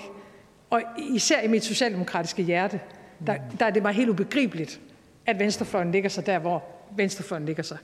Hr. Pelle Dragsted for et afsluttende spørgsmål. Man kunne jo valgt at finansiere erhvervsskolerne, for eksempel ved at lade være at give andre spekulanter en rabat på deres skat af gevinsterne. Bare som et eksempel. Det vil måske have varmet andre socialdemokratiske hjerter. Øhm, jeg tror, vi må konstatere, at der ikke er nogen øh, hjælp på vej for denne regering, øh, der kan stoppe de fyringer øh, og nedskæringer, der er på sygehus over hele landet. Det synes jeg er forkert, jeg synes, det er uansvarligt. Vi har et, lige fået at vide i dag i økonomisk redegørelse, der er et overskud på statens finanser på 75 milliarder kroner i år. Øhm, inflation er en dårlig undskyldning. Vi har fået et svar fra Finansministeriet, som viser, at selv hvis man lukkede det hul, så vil det have, og jeg citerer, tæt på ingen betydning for inflationen. Og hvis man mente, det havde, så kunne man have skrænket ind et andet sted. For eksempel ved at lade være at sænke skatten med 10 milliarder kroner på boligskatten i 2024. Kan man også læse økonomisk redegørelse af det her inflationære virkninger. Så jeg synes, det er som om, regeringen ikke forstår alvoren i den situation, der er i vores sundhedsvæsen. Og jeg tror måske, at den her virkelighedsfjernhed er noget af årsagen til, at regeringen kan fejre fødselsdag i en situation, hvor vælgerne i hobetal øh, vender den ryggen. Men tillykke med, med fødselsdagen alligevel. Statsministeren. Tak for det. Det er simpelthen ikke rigtigt at påstå, at vi ikke tager det her alvorligt. Og det er heller ikke rigtigt, at der ikke er flere penge på vej til vores sundhedsvæsen, fordi vi har lige lagt en 2030-plan frem, hvor der er øh, det største løft af velfærden i cirka 15 år. Øh, og hvor der alene til sundhedsområdet er 5 milliarder til sundhedsvæsenet bredt, og 3 milliarder, ja faktisk lidt mere, til det løft af psykiatrien, som nogle af os har taget ansvaret for. Og jeg synes, i, i, øh, og det er sagt i al øh, venskabelighed og kollegial øh, god tone, jeg synes, der bliver talt udenom. Fordi man kan jo altid stille sig op og sige, at man kunne finansiere på alle mulige andre måder. Faktum er bare, at nu laver vi et løft af erhvervsskolerne. Og vi prioriterer nogle af de unge, der har allermest behov for at blive prioriteret. Og det gør vi blandt andet, fordi vi har tur lave en universitetsreform, hvor enhedslisten ikke alene ikke er med, men også stemmer imod. Og det afslutter spørgsmålet. Vi siger tak til Pelle Dragsted fra Enhedslisten. Jeg byder nu velkommen til hr. Martin Lidegaard fra det radikale Venstre. Ja, mange tak. Øh, mens vi mødes her i spørgetimen, så er vi jo gået i overtid nede i Dubai på COP28, hvor vi desværre ser ud til igen ikke at få det resultat, som jeg egentlig tror, vi er fælles om, øh, vi, vi gerne vil have. Og det understreger jo endnu en gang, hvor utrolig vigtigt det er, hvad der foregår mellem de internationale klimatopmøder i de enkelte lande i EU øh, for vores øh, vedkommende. Og der er noget af det lidt triste, der er kommet ned fra, fra koppen den her gang, det er jo, at det panel af uafhængige øh, NGO'er og forskere, som kigger på de enkelte landes indsatser, har placeret Danmark relativt højt, men samtidig godt opmærksom på, at siden oktober 2022 er der ikke taget nogen grønne initiativer i Danmark. Og da jeg så det, så tænker jeg, ah, øh, lad mig lige gå ned og kigge. Og jeg har faktisk ikke kunne finde i det år, regeringen har været ved magten, et eksempel på et nyt grønt initiativ, som ikke var besluttet eller aftalt under forrige regeringer. Og så tænker jeg bare, at jeg vil spørge øh, statsministeren, om hun kan nævne et eksempel på et nyt initiativ, denne her regering har taget i den grønne omstilling, som ikke var aftalt eller besluttet, inden regeringen trådte til. Og når jeg går op i det, er det ikke kun på grund af klimaet, det går jeg meget op i, men jeg går også op i det på grund af dansk erhvervsliv, som efterlyser flere grønne initiativer og står klar til at investere og være der, hvis de fik den politiske rammeregulering til det. Og så er der hele sikkerhedspolitikken, hvor jeg synes, statsministeren har taget et stærkt øh, lederskab på støtten til Ukraine. Men jeg må sige, at når det handler om den anden del af det nationale kompromis, nemlig at stoppe den indirekte støtte til Putin gennem vores fortsatte import af gas, der synes jeg slet ikke, slet ikke, at hverken Danmark eller EU er der, hvor vi burde være. Og derfor er altså spørgsmålet, om statsministeren kan nævne et eksempel på et nyt grønt initiativ, som ikke var aftalt før denne regering trådte til. Statsministeren. Ja, det kan jeg godt. Øh, og først øh, deler jeg ordene omkring øh, koppen, hvor det ser ud til, at det er rigtig svært at få den endelige aftale på plads på grund af det her med udfasning af fossile brændstoffer, som vi ønsker fra dansk side, og som møder modstand andre steder i verden desværre. Til gengæld er det jo rigtig positivt, at vi startede koppen med at få lavet aftaler på klimafinansiering Øh, Øh, og på loss and damage. Så, der, så der, er, der er nogle skridt fremad øh, dernede, men, men ikke med det resultat, vi havde håbet på fra, fra, fra dansk side. Og så noterede jeg mig, at der bliver sagt i spørgsmålet, at Danmark bliver placeret relativt højt på listen. Er vi ikke enige om, vi indtager sådan set førstepladsen? Eller det vil sige, at de internationale eksperter har valgt at lade de første tre pladser stå tomme, for ligesom at markere, at ingen gør nok. Men det land, der så ligger øverst, det er jo Danmark. Og det kunne vi jo også godt tillade os lige her op mod jul faktisk at være lidt stolte over. Tænk, når man sidder der og evaluerer alle verdens lande. Bum, hvem finder man så på at placere allerhøjst? Det er så os. Det, altså, det kunne vi jo også. Vi kunne også ranke ryggen og tænke, det er da, det er da meget godt gået af det her øh, lille land. Så bliver der spurgt til konkrete nye initiativer. Ja, det vi har foreslået fra regeringens side er jo at hæve dieselafgiften. Øh, og det er jo ikke noget, vi, øh, vi gør med meget, meget stor glæde. Det gør vi alene af hensyn til klimaet. Så det er et konkret eksempel. Spørgeren. Hvad angår Danmarks placering, så gælder det gamle ordsprog, at i de blindes rige er den enårede konge. Og det, som jeg hæfter mig ved, er, og det er jeg også stolt over, jeg er stolt over, at vi historisk har gjort så meget for at løfte Danmark. Men når kritikken samtidig er, at det i øjeblikket står fuldstændig stille, så bider det på mig. Og det bider jo, fordi at det ikke er nogen selvfølge at ligge der. Vi står på den ene regering efter den andens indsatser. Og ja, vi har bemærket, at regeringen vil hæve dieselafgiften efter et ganske betydeligt pres, men den er jo ikke indstillet på at nå 2025-målet, sådan som det fremgår i lovgivningen, at man skal.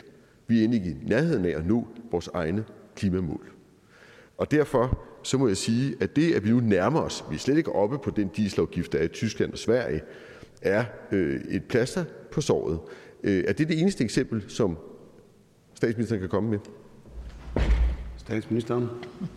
Men jeg kan godt lide, at der bliver bedt om, at jeg kommer med et eksempel, så kommer jeg med et eksempel. Så er næste spørgsmål, kunne man ikke komme med nogle andre eksempler? Altså, vi har jo øh, for nyligt lige lavet en ret stor tale, aftale omkring havvind, eller for nogle måneder tilbage. Så jo, jeg kan også komme med andre eksempler. Selvfølgelig skal vi leve op til vores 25-mål. Det har vi også øh, tænkt os at gøre. Jeg kan forstå, at forhandlingerne Øh, er svære øh, omkring øh, 25-målet, men selvfølgelig skal Danmark leve op til sine 25-mål. Jeg har jo det er jo øh, med mig som statsminister, vi har fastsat øh, de mål og i øvrigt lavet den første bindende klimalov vel noget sted i verden. Øh, så vi skal ikke alene leve op til vores 25-mål, vi skal også leve op til vores 30-mål og nu vores 45-mål og vores 50-mål. Og det er helt afgørende for at holde noget tempo i indsatsen herhjemme, men også at skubbe på, at resten af verden tager de nødvendige skridt. Går det hurtigt nok? Det gør det ikke. Vi skal nok i min øjne leve op til det, vi skal, men, men jeg vil også gerne have mere, og jeg vil gerne have hurtigere fremdrift. Øh, og som øh, hr. Martin Lidegaard godt ved, så, så er der jo nogle ret store benspænd øh, i de her år for øh, vores udvikling, hvad angår vedvarende energi. Og det sidder regeringen og kigger på øh, netop nu. Altså, hvordan kommer vi af med de benspænd? Det er jo ikke ret lang tid siden, det var en flagermus, der spændte ben for, at der kan blive opsat vindmøller Øh, som vi har behov for. Og der er vi bare et sted nu, både klimamæssigt og sikkerhedsmæssigt, hvor vi skal til at træffe nogle andre beslutninger. Her Martin Lidegaard med et afsluttende spørgsmål. Det andet eksempel var så havvind. De 9 gigawatt, der er udbudt, det var jo netop noget, vi aftalte under en tidligere regering. Hvorimod at det, den nuværende regering har gjort, er jo, da åben dørordningen for havvind blev lukket, har man undladt at følge op på de anbefalinger, der var fra flere embedsmænd om så at lave en ny åben dørordning, som netop kunne komme afsted på havvind, og vi afventer stadigvæk en aftale om VE på land. Den kommer senere, meget snart, har jeg hørt, men det er en aftale, der ligesom lægger op til en ny aftale i foråret. Igen en udskydelse. Så har man lavet en flyafgift, men der vil man ikke bruge provenyet til at lave bæredygtige flyafgifter, så der er CO2-aftrykket meget, meget, meget beskedent i negativ retning. Ja, samlet set, og det er ikke for at genere regeringen, så står det stille. 2025-målet, der vil man indføre Øh, nye biobrændstoffer i året 2025 specifikt for at nå målet, og så afskaffer man dem igen i 2026, så har man opretholdt målet. Det, det er ikke for mig en ambitiøs klimapolitik, og jeg håber virkelig, at vi i fællesskab kan løfte barren her, så vi også næste år kan møde op på koppen og indtage det, der så ikke er førstepladsen, men dog den enede kongens, indøjede kongens placering blandt de blindes rige. Statsministeren. Men der behøver jo ikke at være en modsætning mellem at drive udviklingen fremad og gøre endnu mere, og så tillade sig et øjeblik at være stolt over, at vi er dem, der ligger først. Det er da godt gået af Danmark, og det er skiftende regeringers og folketingsflertals fortjeneste. Jeg er glad for, at øh, spørgeren gjorde listen endnu længere, og vil da bare øh, helt stille og roligt sige, det, det er jo ikke en regering med radikal deltagelse, der indfører en flyafgift. Det er jo den her regering. Så kan man jo altid øh, øh, øh, ville tingene på en anden måde. Øh, jeg er rigtig glad for, at noget af det proveny, der kommer ind ved den her afgift, går til de pensionister, der kun har en ældresjek. Men det er jo nok, fordi jeg er socialdemokrat, at jeg ønsker en socialt balanceret grøn udvikling. Jeg går utrolig meget op i klimaforandringer, men jeg går godt nok også op i, at vi har et Danmark, der hænger sammen. Og derfor kan jeg godt lide, når vi så laver en flyafgift, som jeg selv tror er et nødvendigt skridt, at vi så samtidig giver de pensionister, der har mindst, lidt mere i folkepension. Det synes jeg er en god balance. Tak for det, og det afslutter spørgsmålet. Vi siger tak til hr. Martin Lidegaard fra det radikale Venstre. Jeg byder nu velkommen til hr. Morten Messersmith fra Dansk Folkeparti. Tak, formand. Og tak til statsministeren. Tillykke til statsministeren med den tilstående fødselsdag. Jeg synes jo, de her spørgerunder er sådan lidt animeret nogle gange. Altså, det animeret, altså det bliver sådan lidt teaterstykke, ikke? Altså, vi har indtil videre fundet ud af, at hr. Vanderslag, han vil gerne have lavere skatter, og hr. Lidegaard vil gerne have noget mere på klima, og enhedslisten, der skal nogle flere penge ud i samfundet. Det er ikke sådan de store overraskelser. Men der var sidst vi mødtes, faktisk en, synes jeg, en lidt, måske endda for statsministeren sådan også karakter, lidt, lidt uventet indrømmelse, øh, da hun sagde, at, og erkendte, at det i forhold til det her med at nedbringe mængden af djøffere, administrative medarbejdere, kolde hænder, hvis vi skal bruge det udtryk, at det havde været øh, sværere end ventet. Og så tænkte jeg på, er der måske så nogle områder, hvor statsministeren selv ligesom kunne handle i forhold til at sikre den her åbenlyse følelse, der er meget udbredt, tror jeg, af, at der er nogen, der er på et A-hold, og nogen, der er på et B-hold. Der er nogen, for hvem skattelettelserne vælter ind, lønningerne stiger osv. osv. Og så er der en hel del, som bare er efterladt på perronen. Er der noget, hvor statsministeren kunne gøre noget selv? Og der var der en ting her, hvor vi jo havde en, en kedelig oplevelse i, øh, i den forgangne uge med en, med en kollega, eller næsten kollega, nemlig fru Mia Wagner, som jo ikke nåede at blive minister, og det tror jeg på mange måder er en, er en skam. Hun virker ud fra det, jeg kender til hende som en rigtig dygtigt og behageligt menneske. Men hvor vi jo kan konstatere, at hun, selvom hun ikke satte sig i ministerstolen, alligevel får en løn på knap 700.000 kroner. Og det tror jeg, uanset hvor meget veneration man kan have for, for Mia Wagner og politikere generelt, det tror jeg bidrager til følelsen af, at der er et A-hold og et B-hold. Og, det, og det, det tror jeg måske vil være lettere for statsministeren at gøre noget ved, end det vi talte om sidst med, med KL og Djøf og så videre. Så derfor vil jeg starte den her samtale med at spørge, om måske statsministeren vil gøre noget ved det, at politikere, der egentlig ikke sætter sig i den stol, de er blevet tilbudt, alligevel kan score knap 700.000 kroner. Statsministeren. Jeg er igennem årene blevet spurgt til mange politikers sygemeldinger fra forskellige partier øh, med forskellige anciennitet, og jeg afholder mig fra at gøre det, også i den konkrete sag. Jeg synes ikke, det er det, der er, er min opgave, slet ikke når det er konkrete øh, personsager.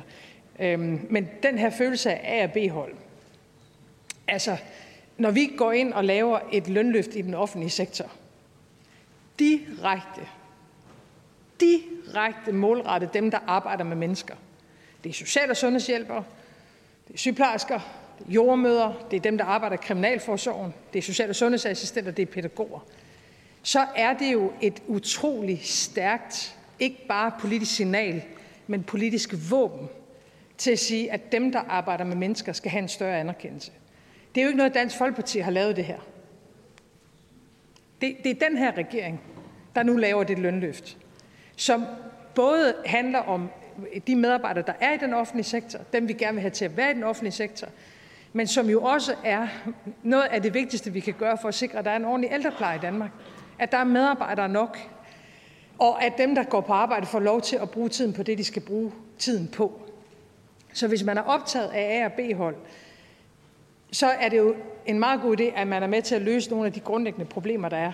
Og jeg vil ikke lægge skjult på, at jeg er, jeg er kistestolt over, at nu går lønløftet til dem, der arbejder med mennesker, dem, der arbejder på de skæve tidspunkter, dem, der tager nogle af de hårde vagter.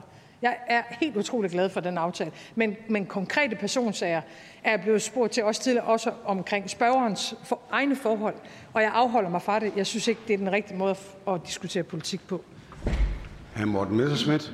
Men det, jeg spørger til, det er jo de regler, der gælder for politikere, for offentlige ansatte generelt. Man kan jo nærmest dagligt læse historier om, det behøver ikke at være ministre, der så ikke når at udøve deres gerning og alligevel får et halvt års løn. Øh, det kan også være øh, kommunaldirektører og så videre, departementchefer.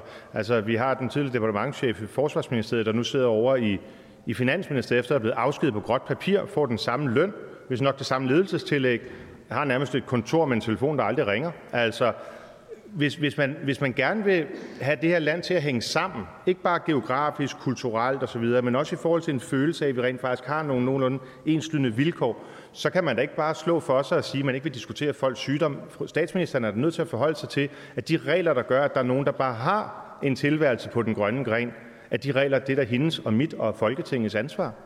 Har hun ikke en holdning til det? Statsministeren. For mig handler det om at forbedre almindelige menneskers levevilkår og arbejdsvilkår. Og det må man sige, at vi er i fuld gang med at gøre.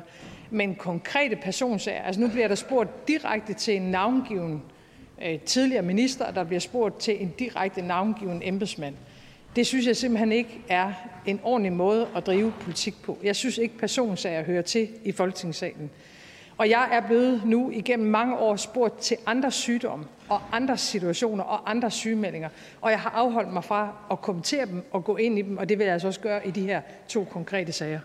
Hr. Morten Messerschmidt med et afsluttende spørgsmål. Jeg spørger ikke om personers sygeforhold. Jeg spørger om de regler, der gør, at man i dag uden at lave en dags arbejde som kommunaldirektør eller som departementschef eller som andet i den offentlige sektor kan få rigtig, rigtig mange penge udbetalt. Det handler jo ikke om, at jeg ikke skønner en sygeplejer eller under en sygeplejerske for mere i løn. Det tror jeg, statsministeren udmærket godt ved, at vi i høj grad gør i Dansk Folkeparti.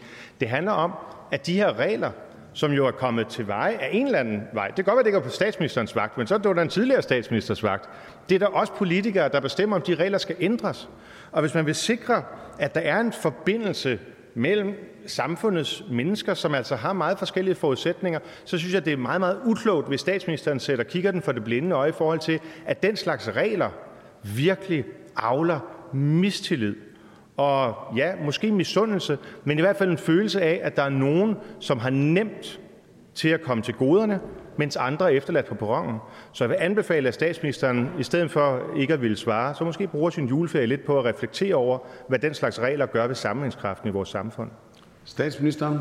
Men pointen er jo netop, at man kan lade være med at efterlade nogen på perronen. Og så kan man bruge sin arbejdstid i Folketinget på at løse rigtige menneskers rigtige problemer. Og det gør man altså bedst, når man tager et politisk ansvar. Og det er det, vi netop har gjort ved at lave et lønløft.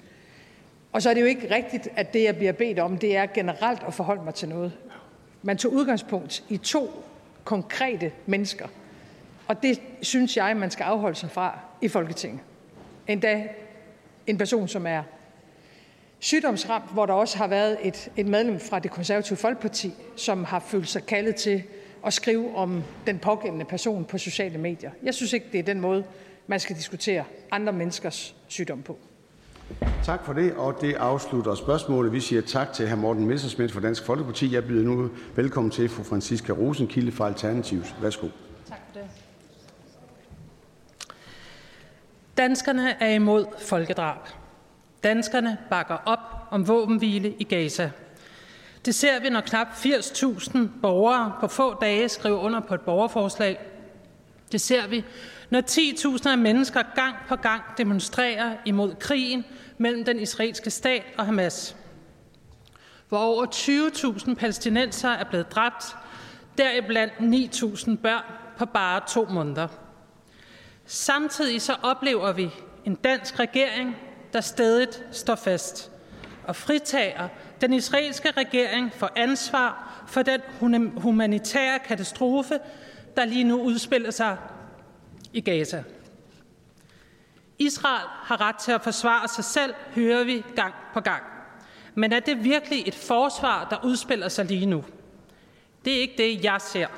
Det ligner nærmere en nedslagning. Og det er ikke kun mig, der ser det. Flere og flere organisationer beretter om krigsforbrydelser i Gaza. Det gør FN's menneskerettighedsråd, det gør den internationale krigsforbryderdomstol, det gør Amnesty og mange flere. Jeg har flere gange hørt regeringen udtale bekymringer om polariseringer og splittelse i befolkningen i den her sag. Men jeg bliver nødt til at sige, at statsministeren og regeringen er med til at skabe denne her polarisering, når I lukker øjnene for de her ting. Når I ikke reagerer på så vigtige institutioners udtalelser. Jeg vil derfor give statsministeren mulighed for at tale lidt ind i nuancerne i dag. Hvad tænker statsministeren om, at FN-organer, den internationale krigsforbryderdomstol, Amnesty og mange flere advarer imod, at Israel lige nu begår krigsforbrydelser? For det første vil jeg sige, at det er ikke mit indtryk, at der er nogen, der lukker øjnene øh, for, hvad der sker i, øh, i Mellemøsten, hverken i Danmark eller i, i andre lande. Ingen tvivl om, at Hamas bærer et meget, meget stort ansvar for at have øh, forårsaget et terrorangreb og nu gemme sig bag civile.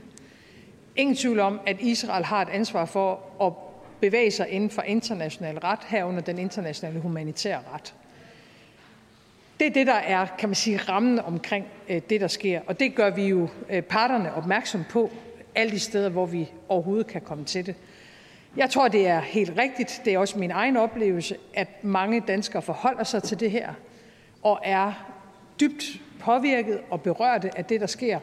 Både hvad angår terrorangrebet, som var brutalt ud over alle grænser, og det, der efterfølgende er sket i Gaza med rigtig, rigtig mange øh, civile ofre. Så den der øh, antydning, der i hvert fald er nogle steder i debatten, jeg siger ikke her, men i debatten af, at der er nogen, der er ligeglade med, hvad der foregår, det tror jeg ikke, der er nogen, der er. Øh, og det gælder danskerne bredt. Og som jeg sagde det før, så har Hamas et stort ansvar, både for den situation, der er opstået, og for at de gemmer sig bag de civile. Og det er helt afgørende, at Israel overholder de internationale regler og love, der er. Og det er sådan med enhver konflikt og enhver situation, at vi også har et internationalt system, der holder øje med det, som afdækker det og som undersøger det. Og det vil selvfølgelig også gøre sig gældende i forhold til den situation, der er i dag. Fru Francis Roskilde. Ja, tak. Jeg vil gerne lige holde lidt fast i noget af det, statsministeren siger her.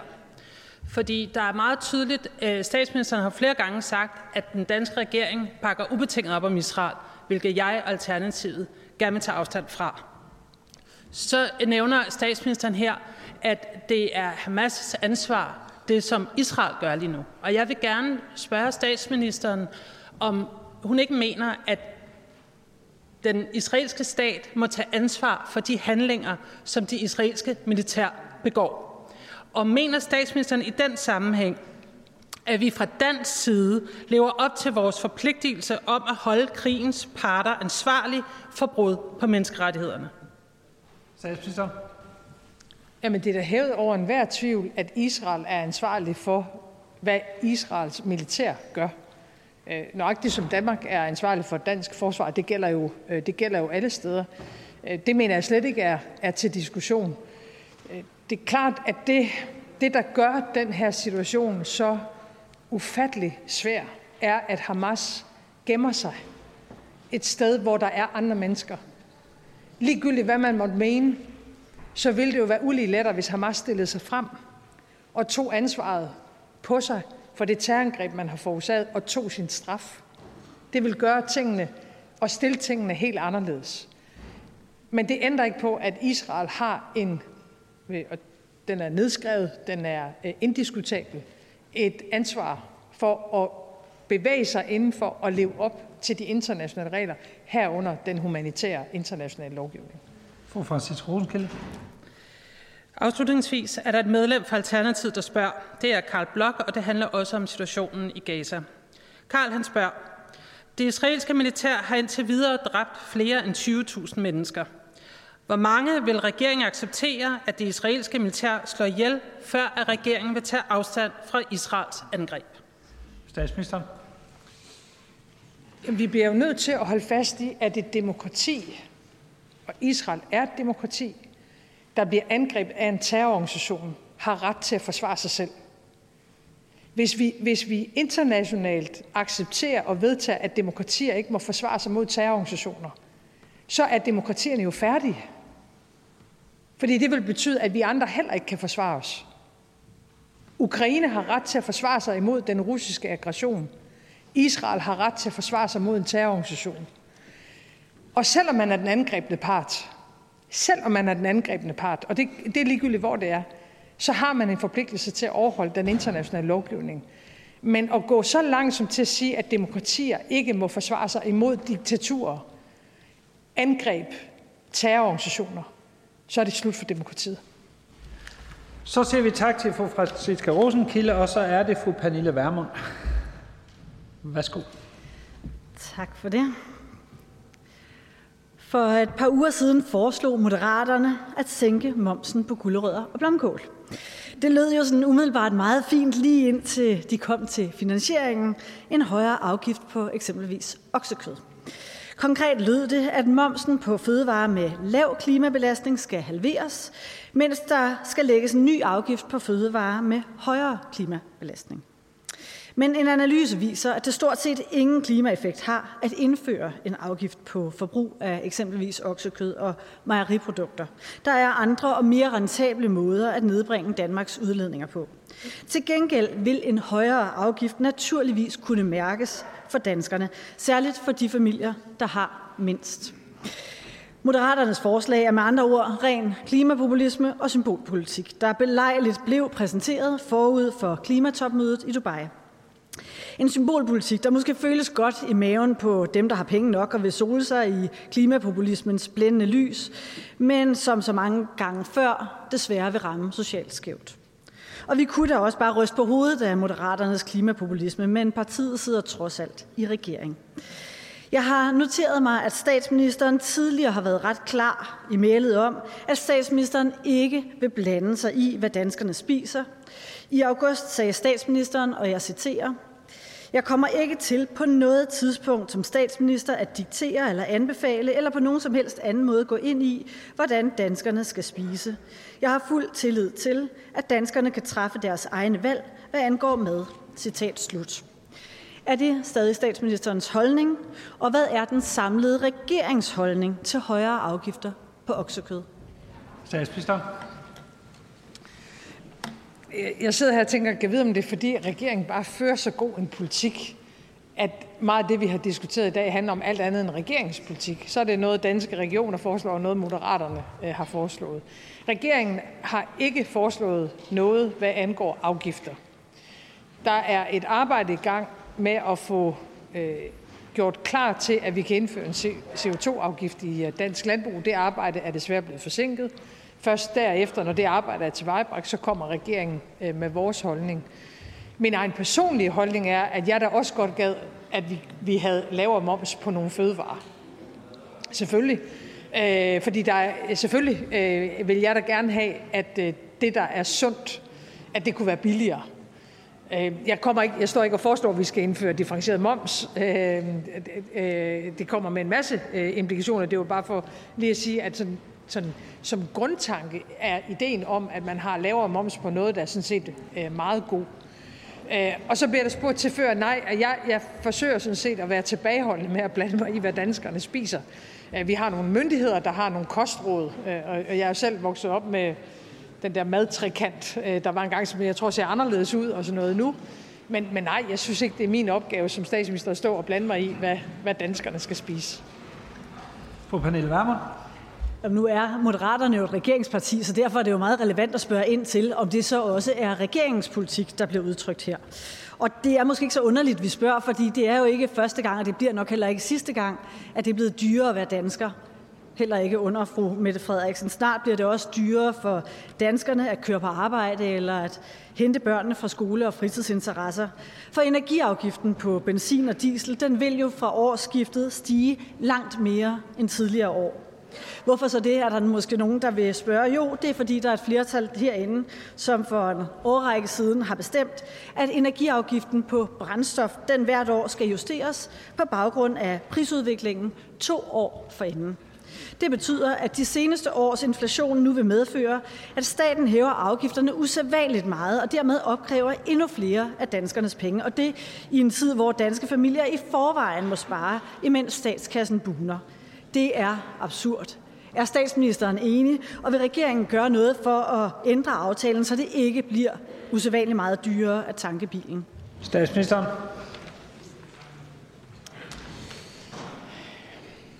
Altså, den der italesættelse af, at statskassen bare buner, det, det er jo altså en sandhed med modifikationer.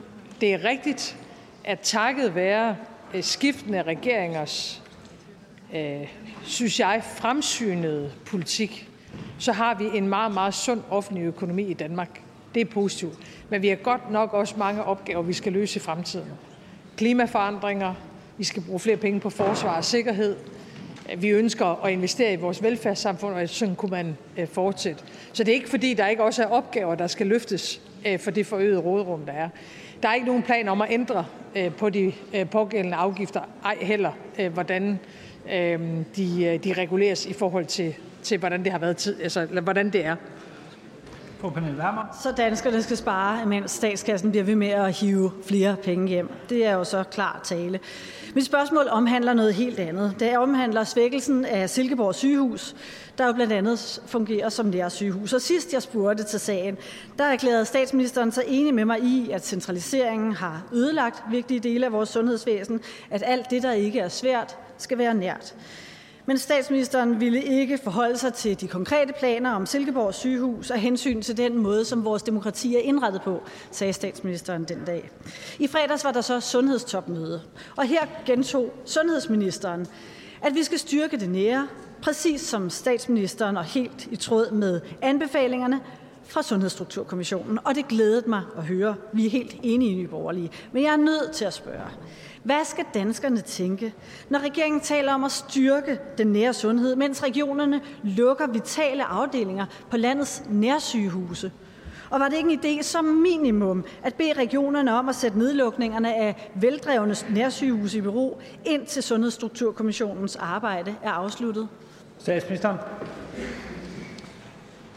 Jeg havde også diskussionen her tidligere i dag, og jeg, jeg, kan, jeg kan faktisk helt utroligt godt forstå, hvis der sidder nogle danskere og tænker, okay, på den ene side, øh, så siger regeringen, at der kommer flere penge til sundhed i de kommende år, og det gør der, både til psykiatri og til det somatiske område, og samtidig så har der været en svær budgetlægning. Og den budgetlægning hænger jo sammen med både, at vi er og har været i en tid med inflation, som vi heldigvis har fået styr på, og at der er nogle udgifter, der løber lidt løbsk for os. Det gælder både kommuner og i regioner. Hvad angår regionerne, er det blandt andet på medicinområdet. Øh, og derfor har vi behov for at komme ind og få en, en, en bedre styring af, af dele af den offentlige økonomi, fordi der, der er ikke noget ønske, det er der hverken i regeringen, jeg tror faktisk heller ikke, der er det i Folketinget, og det er heller ikke mit indtryk, at der er det i regionerne, at vi ikke netop skal have det nære sundhedsvæsen. Så der er altså en, en budgetlægning i de her år, som har været svært af nogle andre forhold, øh, og så har vi et, et ønske om at styrke det nære sundhedsvæsen, og det lytter jeg mig til, der er bred opbakning til. Vi siger tak til fru Pernille Vermund og til statsministeren, og herefter er spørgetimen slut. Fra statsministeren har jeg modtaget brev om, at det efter statsministerens indstilling med kommende resolution af 11. december 2023 blev bestemt, at ledelsen af de under Kulturministeriets hørende forretninger fra med den 11. december 2023 til og med den 25. december 2023 overdrages til uddannelses- og forskningsministeren Christina Egelund. Meddelelsen vil fremgå af folketingstidende.dk. I dag er der følgende anmeldelse. Børne- og undervisningsministeren lovforslag nummer 89 om forlængelse af forsøgsperioden for velfærdsaftalekommunerne på dagtilbudsområdet og folkeskoleområdet. Titler på den anmeldte sag vil fremgå af folketingene.dk. Dagsorden punkt 30. Beslutningsforslag nummer B 19 om politiets og domstolens journalisering af og oplysning om signalementer. Dagsorden punkt 31. Beslutningsforslag nummer B 26 om hårdere straffe for personfarlig kriminalitet. Og Dagsorden punkt 32, beslutningsforslag nummer B 44 om etablering af en offerrådgivning i Grønland. Nu går dagsordenen i dag efter anmodning fra justitsministeren. Dagsorden punkt 33, forspørgsel nummer F7 om den højst specialiserede del af socialområdet, udgår ligeledes af dagsordenen i dag efter anmodning fra social- og boligministeren. Det næste punkt på dagsordenen er spørgsmål om fremme af forspørgsel nummer F16. Forespørgsel til uddannelses- og forskningsministeren om at få flere til at tage en professionsbacheloruddannelse. Sammen med denne sag foretages spørgsmål om fremme af forespørgsel nummer F17. forespørgsel til indrigs- og sundhedsministeren om specialiseret palliation. Hvis ingen gør indsigelse øh, mod fremme af disse spørgsmål, betragter jeg tingets samtykke som givet. De er givet. Det næste punkt på dagsordenen er spørgsmål om meddelelse og overlov til og indkaldelse af stedfortræder for medlem af Folketinget Dennis Flytkær. Dennis Flytkær har søgt overlov fra den 12. december 2023, jævnfører forretningsordens paragraf 41 stykke 3 liter A, og det er over for mig oplyst, at det er godt gjort, at sygdom foreligger. Hvis ingen gør indsigelse i dette, vil jeg betragte det som vedtaget, at der meddeles overlov som ansøgt, og at stedfortræderen indkaldes som midlertidig medlem. Det er vedtaget. Det næste punkt på dagsordenen er indstilling fra udvalg til valgsprøvelse. Fra udvalg til valgsprøvelse har jeg modtaget indstilling om, at første stedfortræder for Danmarksdemokraterne i Vestjyllands Storkreds, Morten Vil, godkendt som midlertidig medlem af Folketinget fra med den 12. december 2023 i anledning af Dennis Flytkærs overlov. Er der nogen, der ønsker ordet? Da det ikke er tilfældet, så går vi til afstemning. Der stemmer om udvalgets indstilling. Afstemningen starter.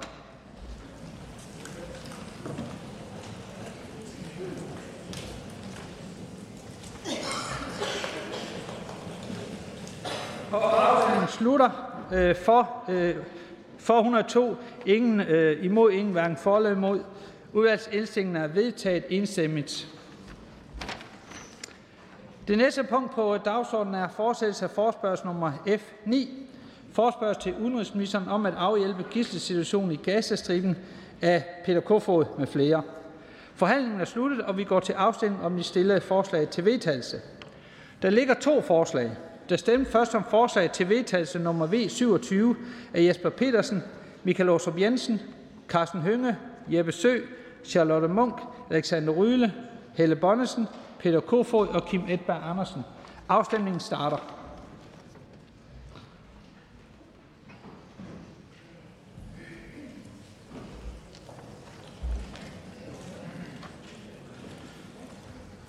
Og afstemningen slutter. 103 for, ingen hverken for mod ingen imod.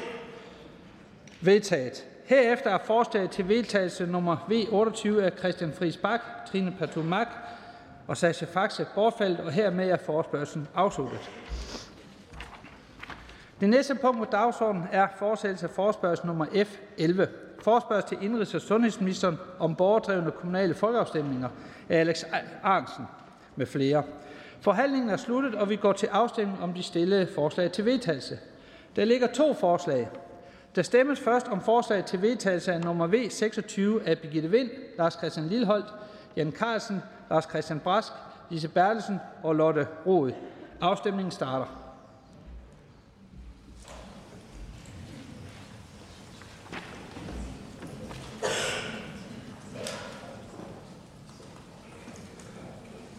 Og afstemningen stopper. 76 for, 28 mod, ingen hverken for eller mod. Vedtaget.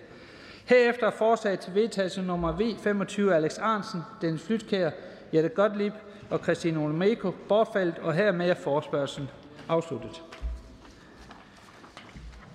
Det næste punkt på dagsordenen er tredje behandling af lovforslag nummer L45, forslag til lov om ændring af lov om videnskab, etisk behandling af sundhedsvidenskabelige forskningsprojekter og sundhedsdatavidenskabelige forskningsprojekter af sundhedsloven af indrigs- og sundhedsministeren. Der er ikke stillet ændringsforslag. Ønsker nogen at udtale sig? Da det ikke er tilfældet, går vi til afstemning. Der stemmes om forslagets endelige vedtagelse. Afstemningen starter.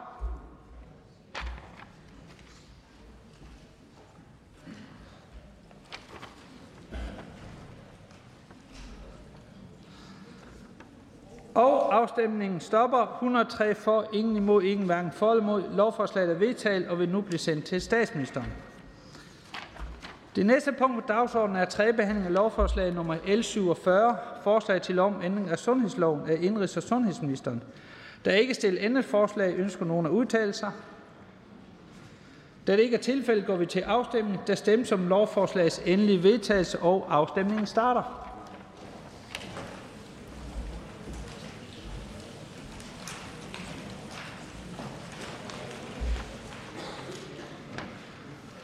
Afstemningen stopper. 103 for, ingen imod, ingen hverken for eller imod. Lovforslaget er vedtaget og vil nu blive sendt til statsministeren. Det næste punkt på dagsordenen er tredje behandling af lovforslag nummer L 53, forslag til lov om ændring af lov om autorisation af sundhedspersoner, om sundhedsfaglig virksomhed, sundhedsloven, lov om lægemidler, lov om apoteksvirksomhed og lov om klager og statsadgang inden for sundhedsvæsen af indrigs- og sundhedsministeren. Der er ikke stillet ændringsforslag. Ønsker nogen at udtale sig? Da det ikke er tilfældet, går vi til afstemning. Der stemmes om lovforslagets endelige vedtagelse. Afstemningen starter.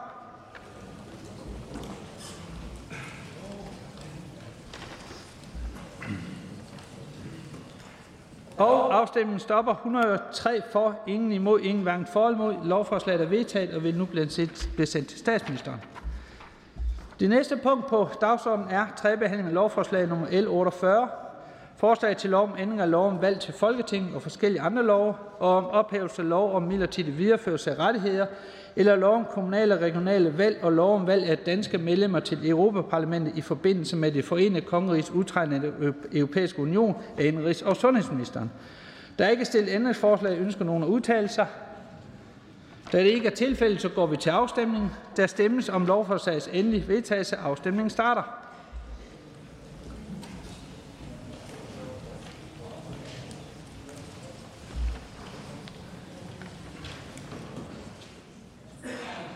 Og afstemningen stopper. 103 for, ingen imod, ingen hverken for eller imod.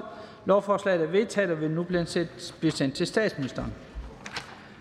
Det næste punkt på dagsordenen er anden behandling af beslutningsforslag nummer B1, forslag til folketingsbeslutning om nedsættelse af elafgiften til EU's minimumsats af Pernille Vermund og Kim Edberg Andersen. Der er ikke stillet ændringsforslag. Ønsker nogen at udtale sig? Da det ikke er tilfældet, går vi til afstemning. Der stemmes om forslagets endelige vedtagelse. Afstemningen starter.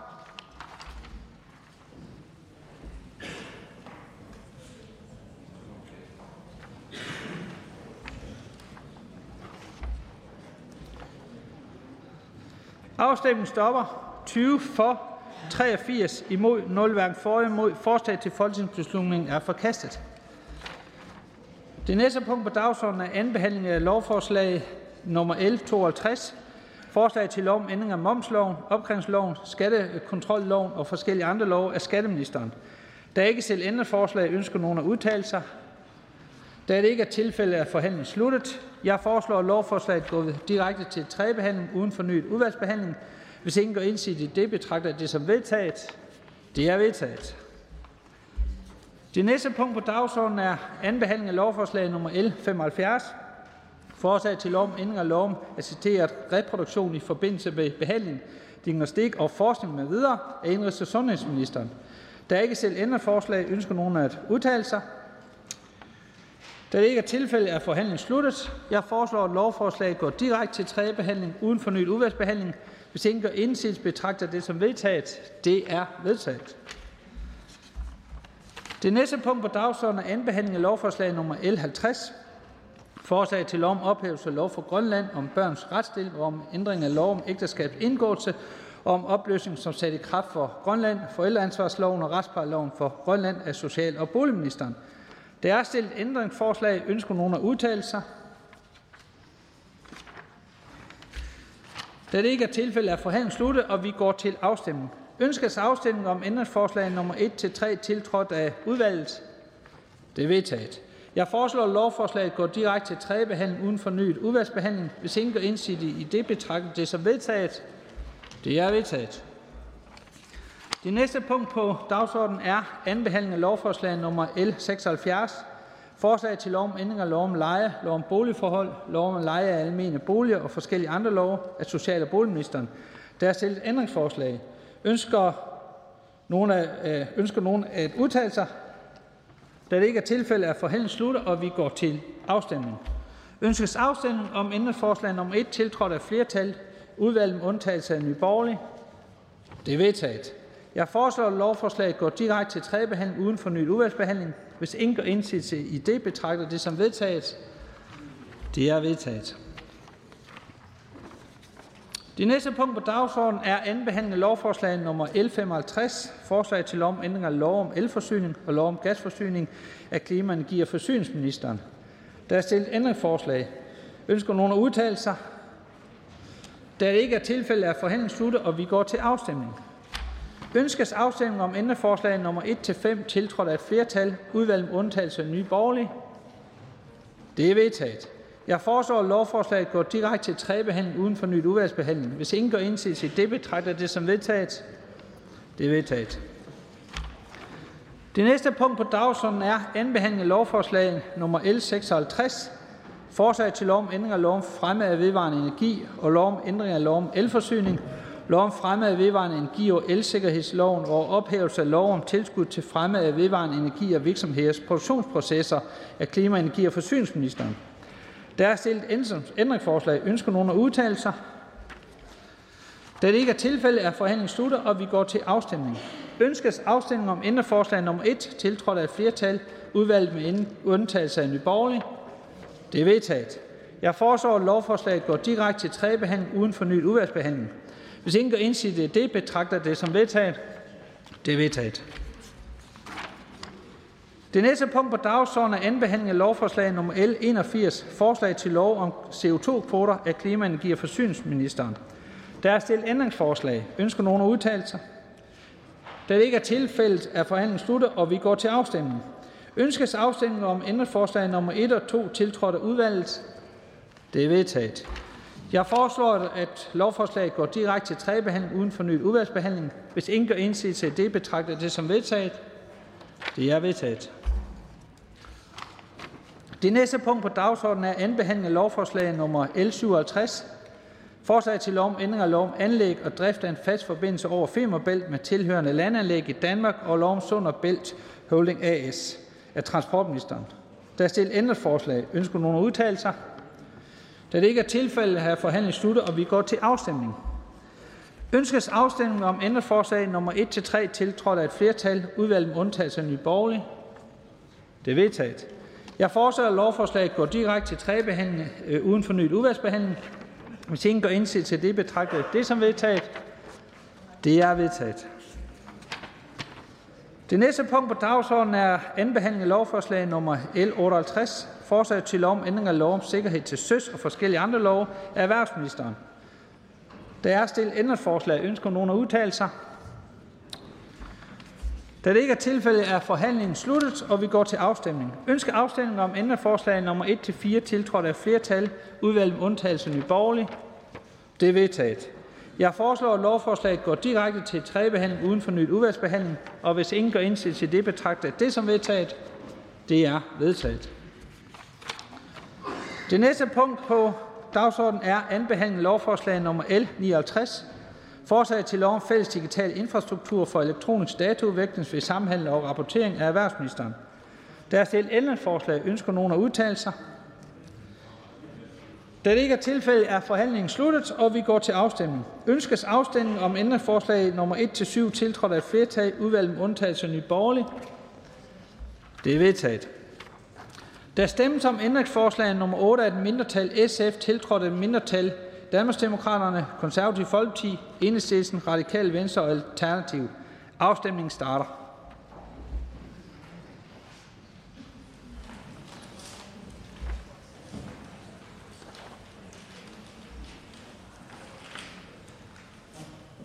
Og afstemningen slutter. 34 for, 69 imod, ingen hverken for eller imod. Det er forkastet. Jeg foreslår, at lovforslaget går direkte til tredje behandling uden fornyet udvalgsbehandling. Hvis ingen gør indsigelse det, betragter jeg det som vedtaget. Det er vedtaget.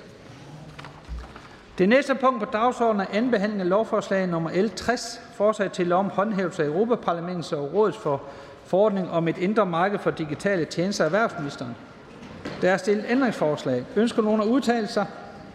Da det ikke er tilfældet, er forhandlingen sluttet, og vi går til afstemning. Ønskes afstemning om ændringsforslag nummer 1-4 tiltrådt af flertal, udvalget med undtagelse af Nye Det er vedtaget. Jeg foreslår, at lovforslaget går direkte til tredje behandling uden fornyet udvalgsbehandling. Hvis ingen gør indsigelse i dette, betragter det som vedtaget. Det er vedtaget.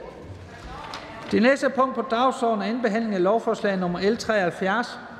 Forslag til lov om ændring af lov om trosamfund uden for folkekirken af kirkeministeren. Der er ikke stillet ændringsforslag. Ønsker nogen at udtale sig?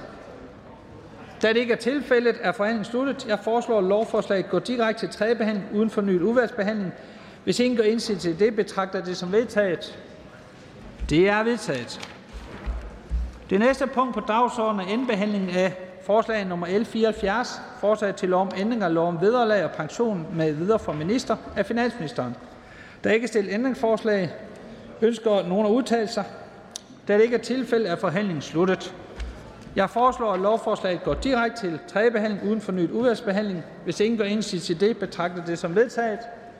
Det er vedtaget. Det næste punkt på dagsordenen er behandling af lovforslag nummer L 64, forslag til lov om, om velfærd af Christine Olmeke med flere. Der er stillet ændringsforslag. Ønsker nogen at udtale sig? Da det ikke er tilfældet, er forhandlingen sluttet, og vi går til afstemning. Hvis ikke afstemning begæres, betragter ændringsforslag nummer 1 og 2 uden for betænkning af Lisbeth Bæk Nielsen, Socialist Folkeparti, Trine Pertou Mach, Enhedslisten og Christina Olumé fra Alternativ som vedtaget. Det er vedtaget. Jeg foreslår, at lovforslaget går direkte til tredje behandling uden fornyet udvalgsbehandling. Hvis ingen gør indsigelse, det betragter det som vedtaget. Det er vedtaget.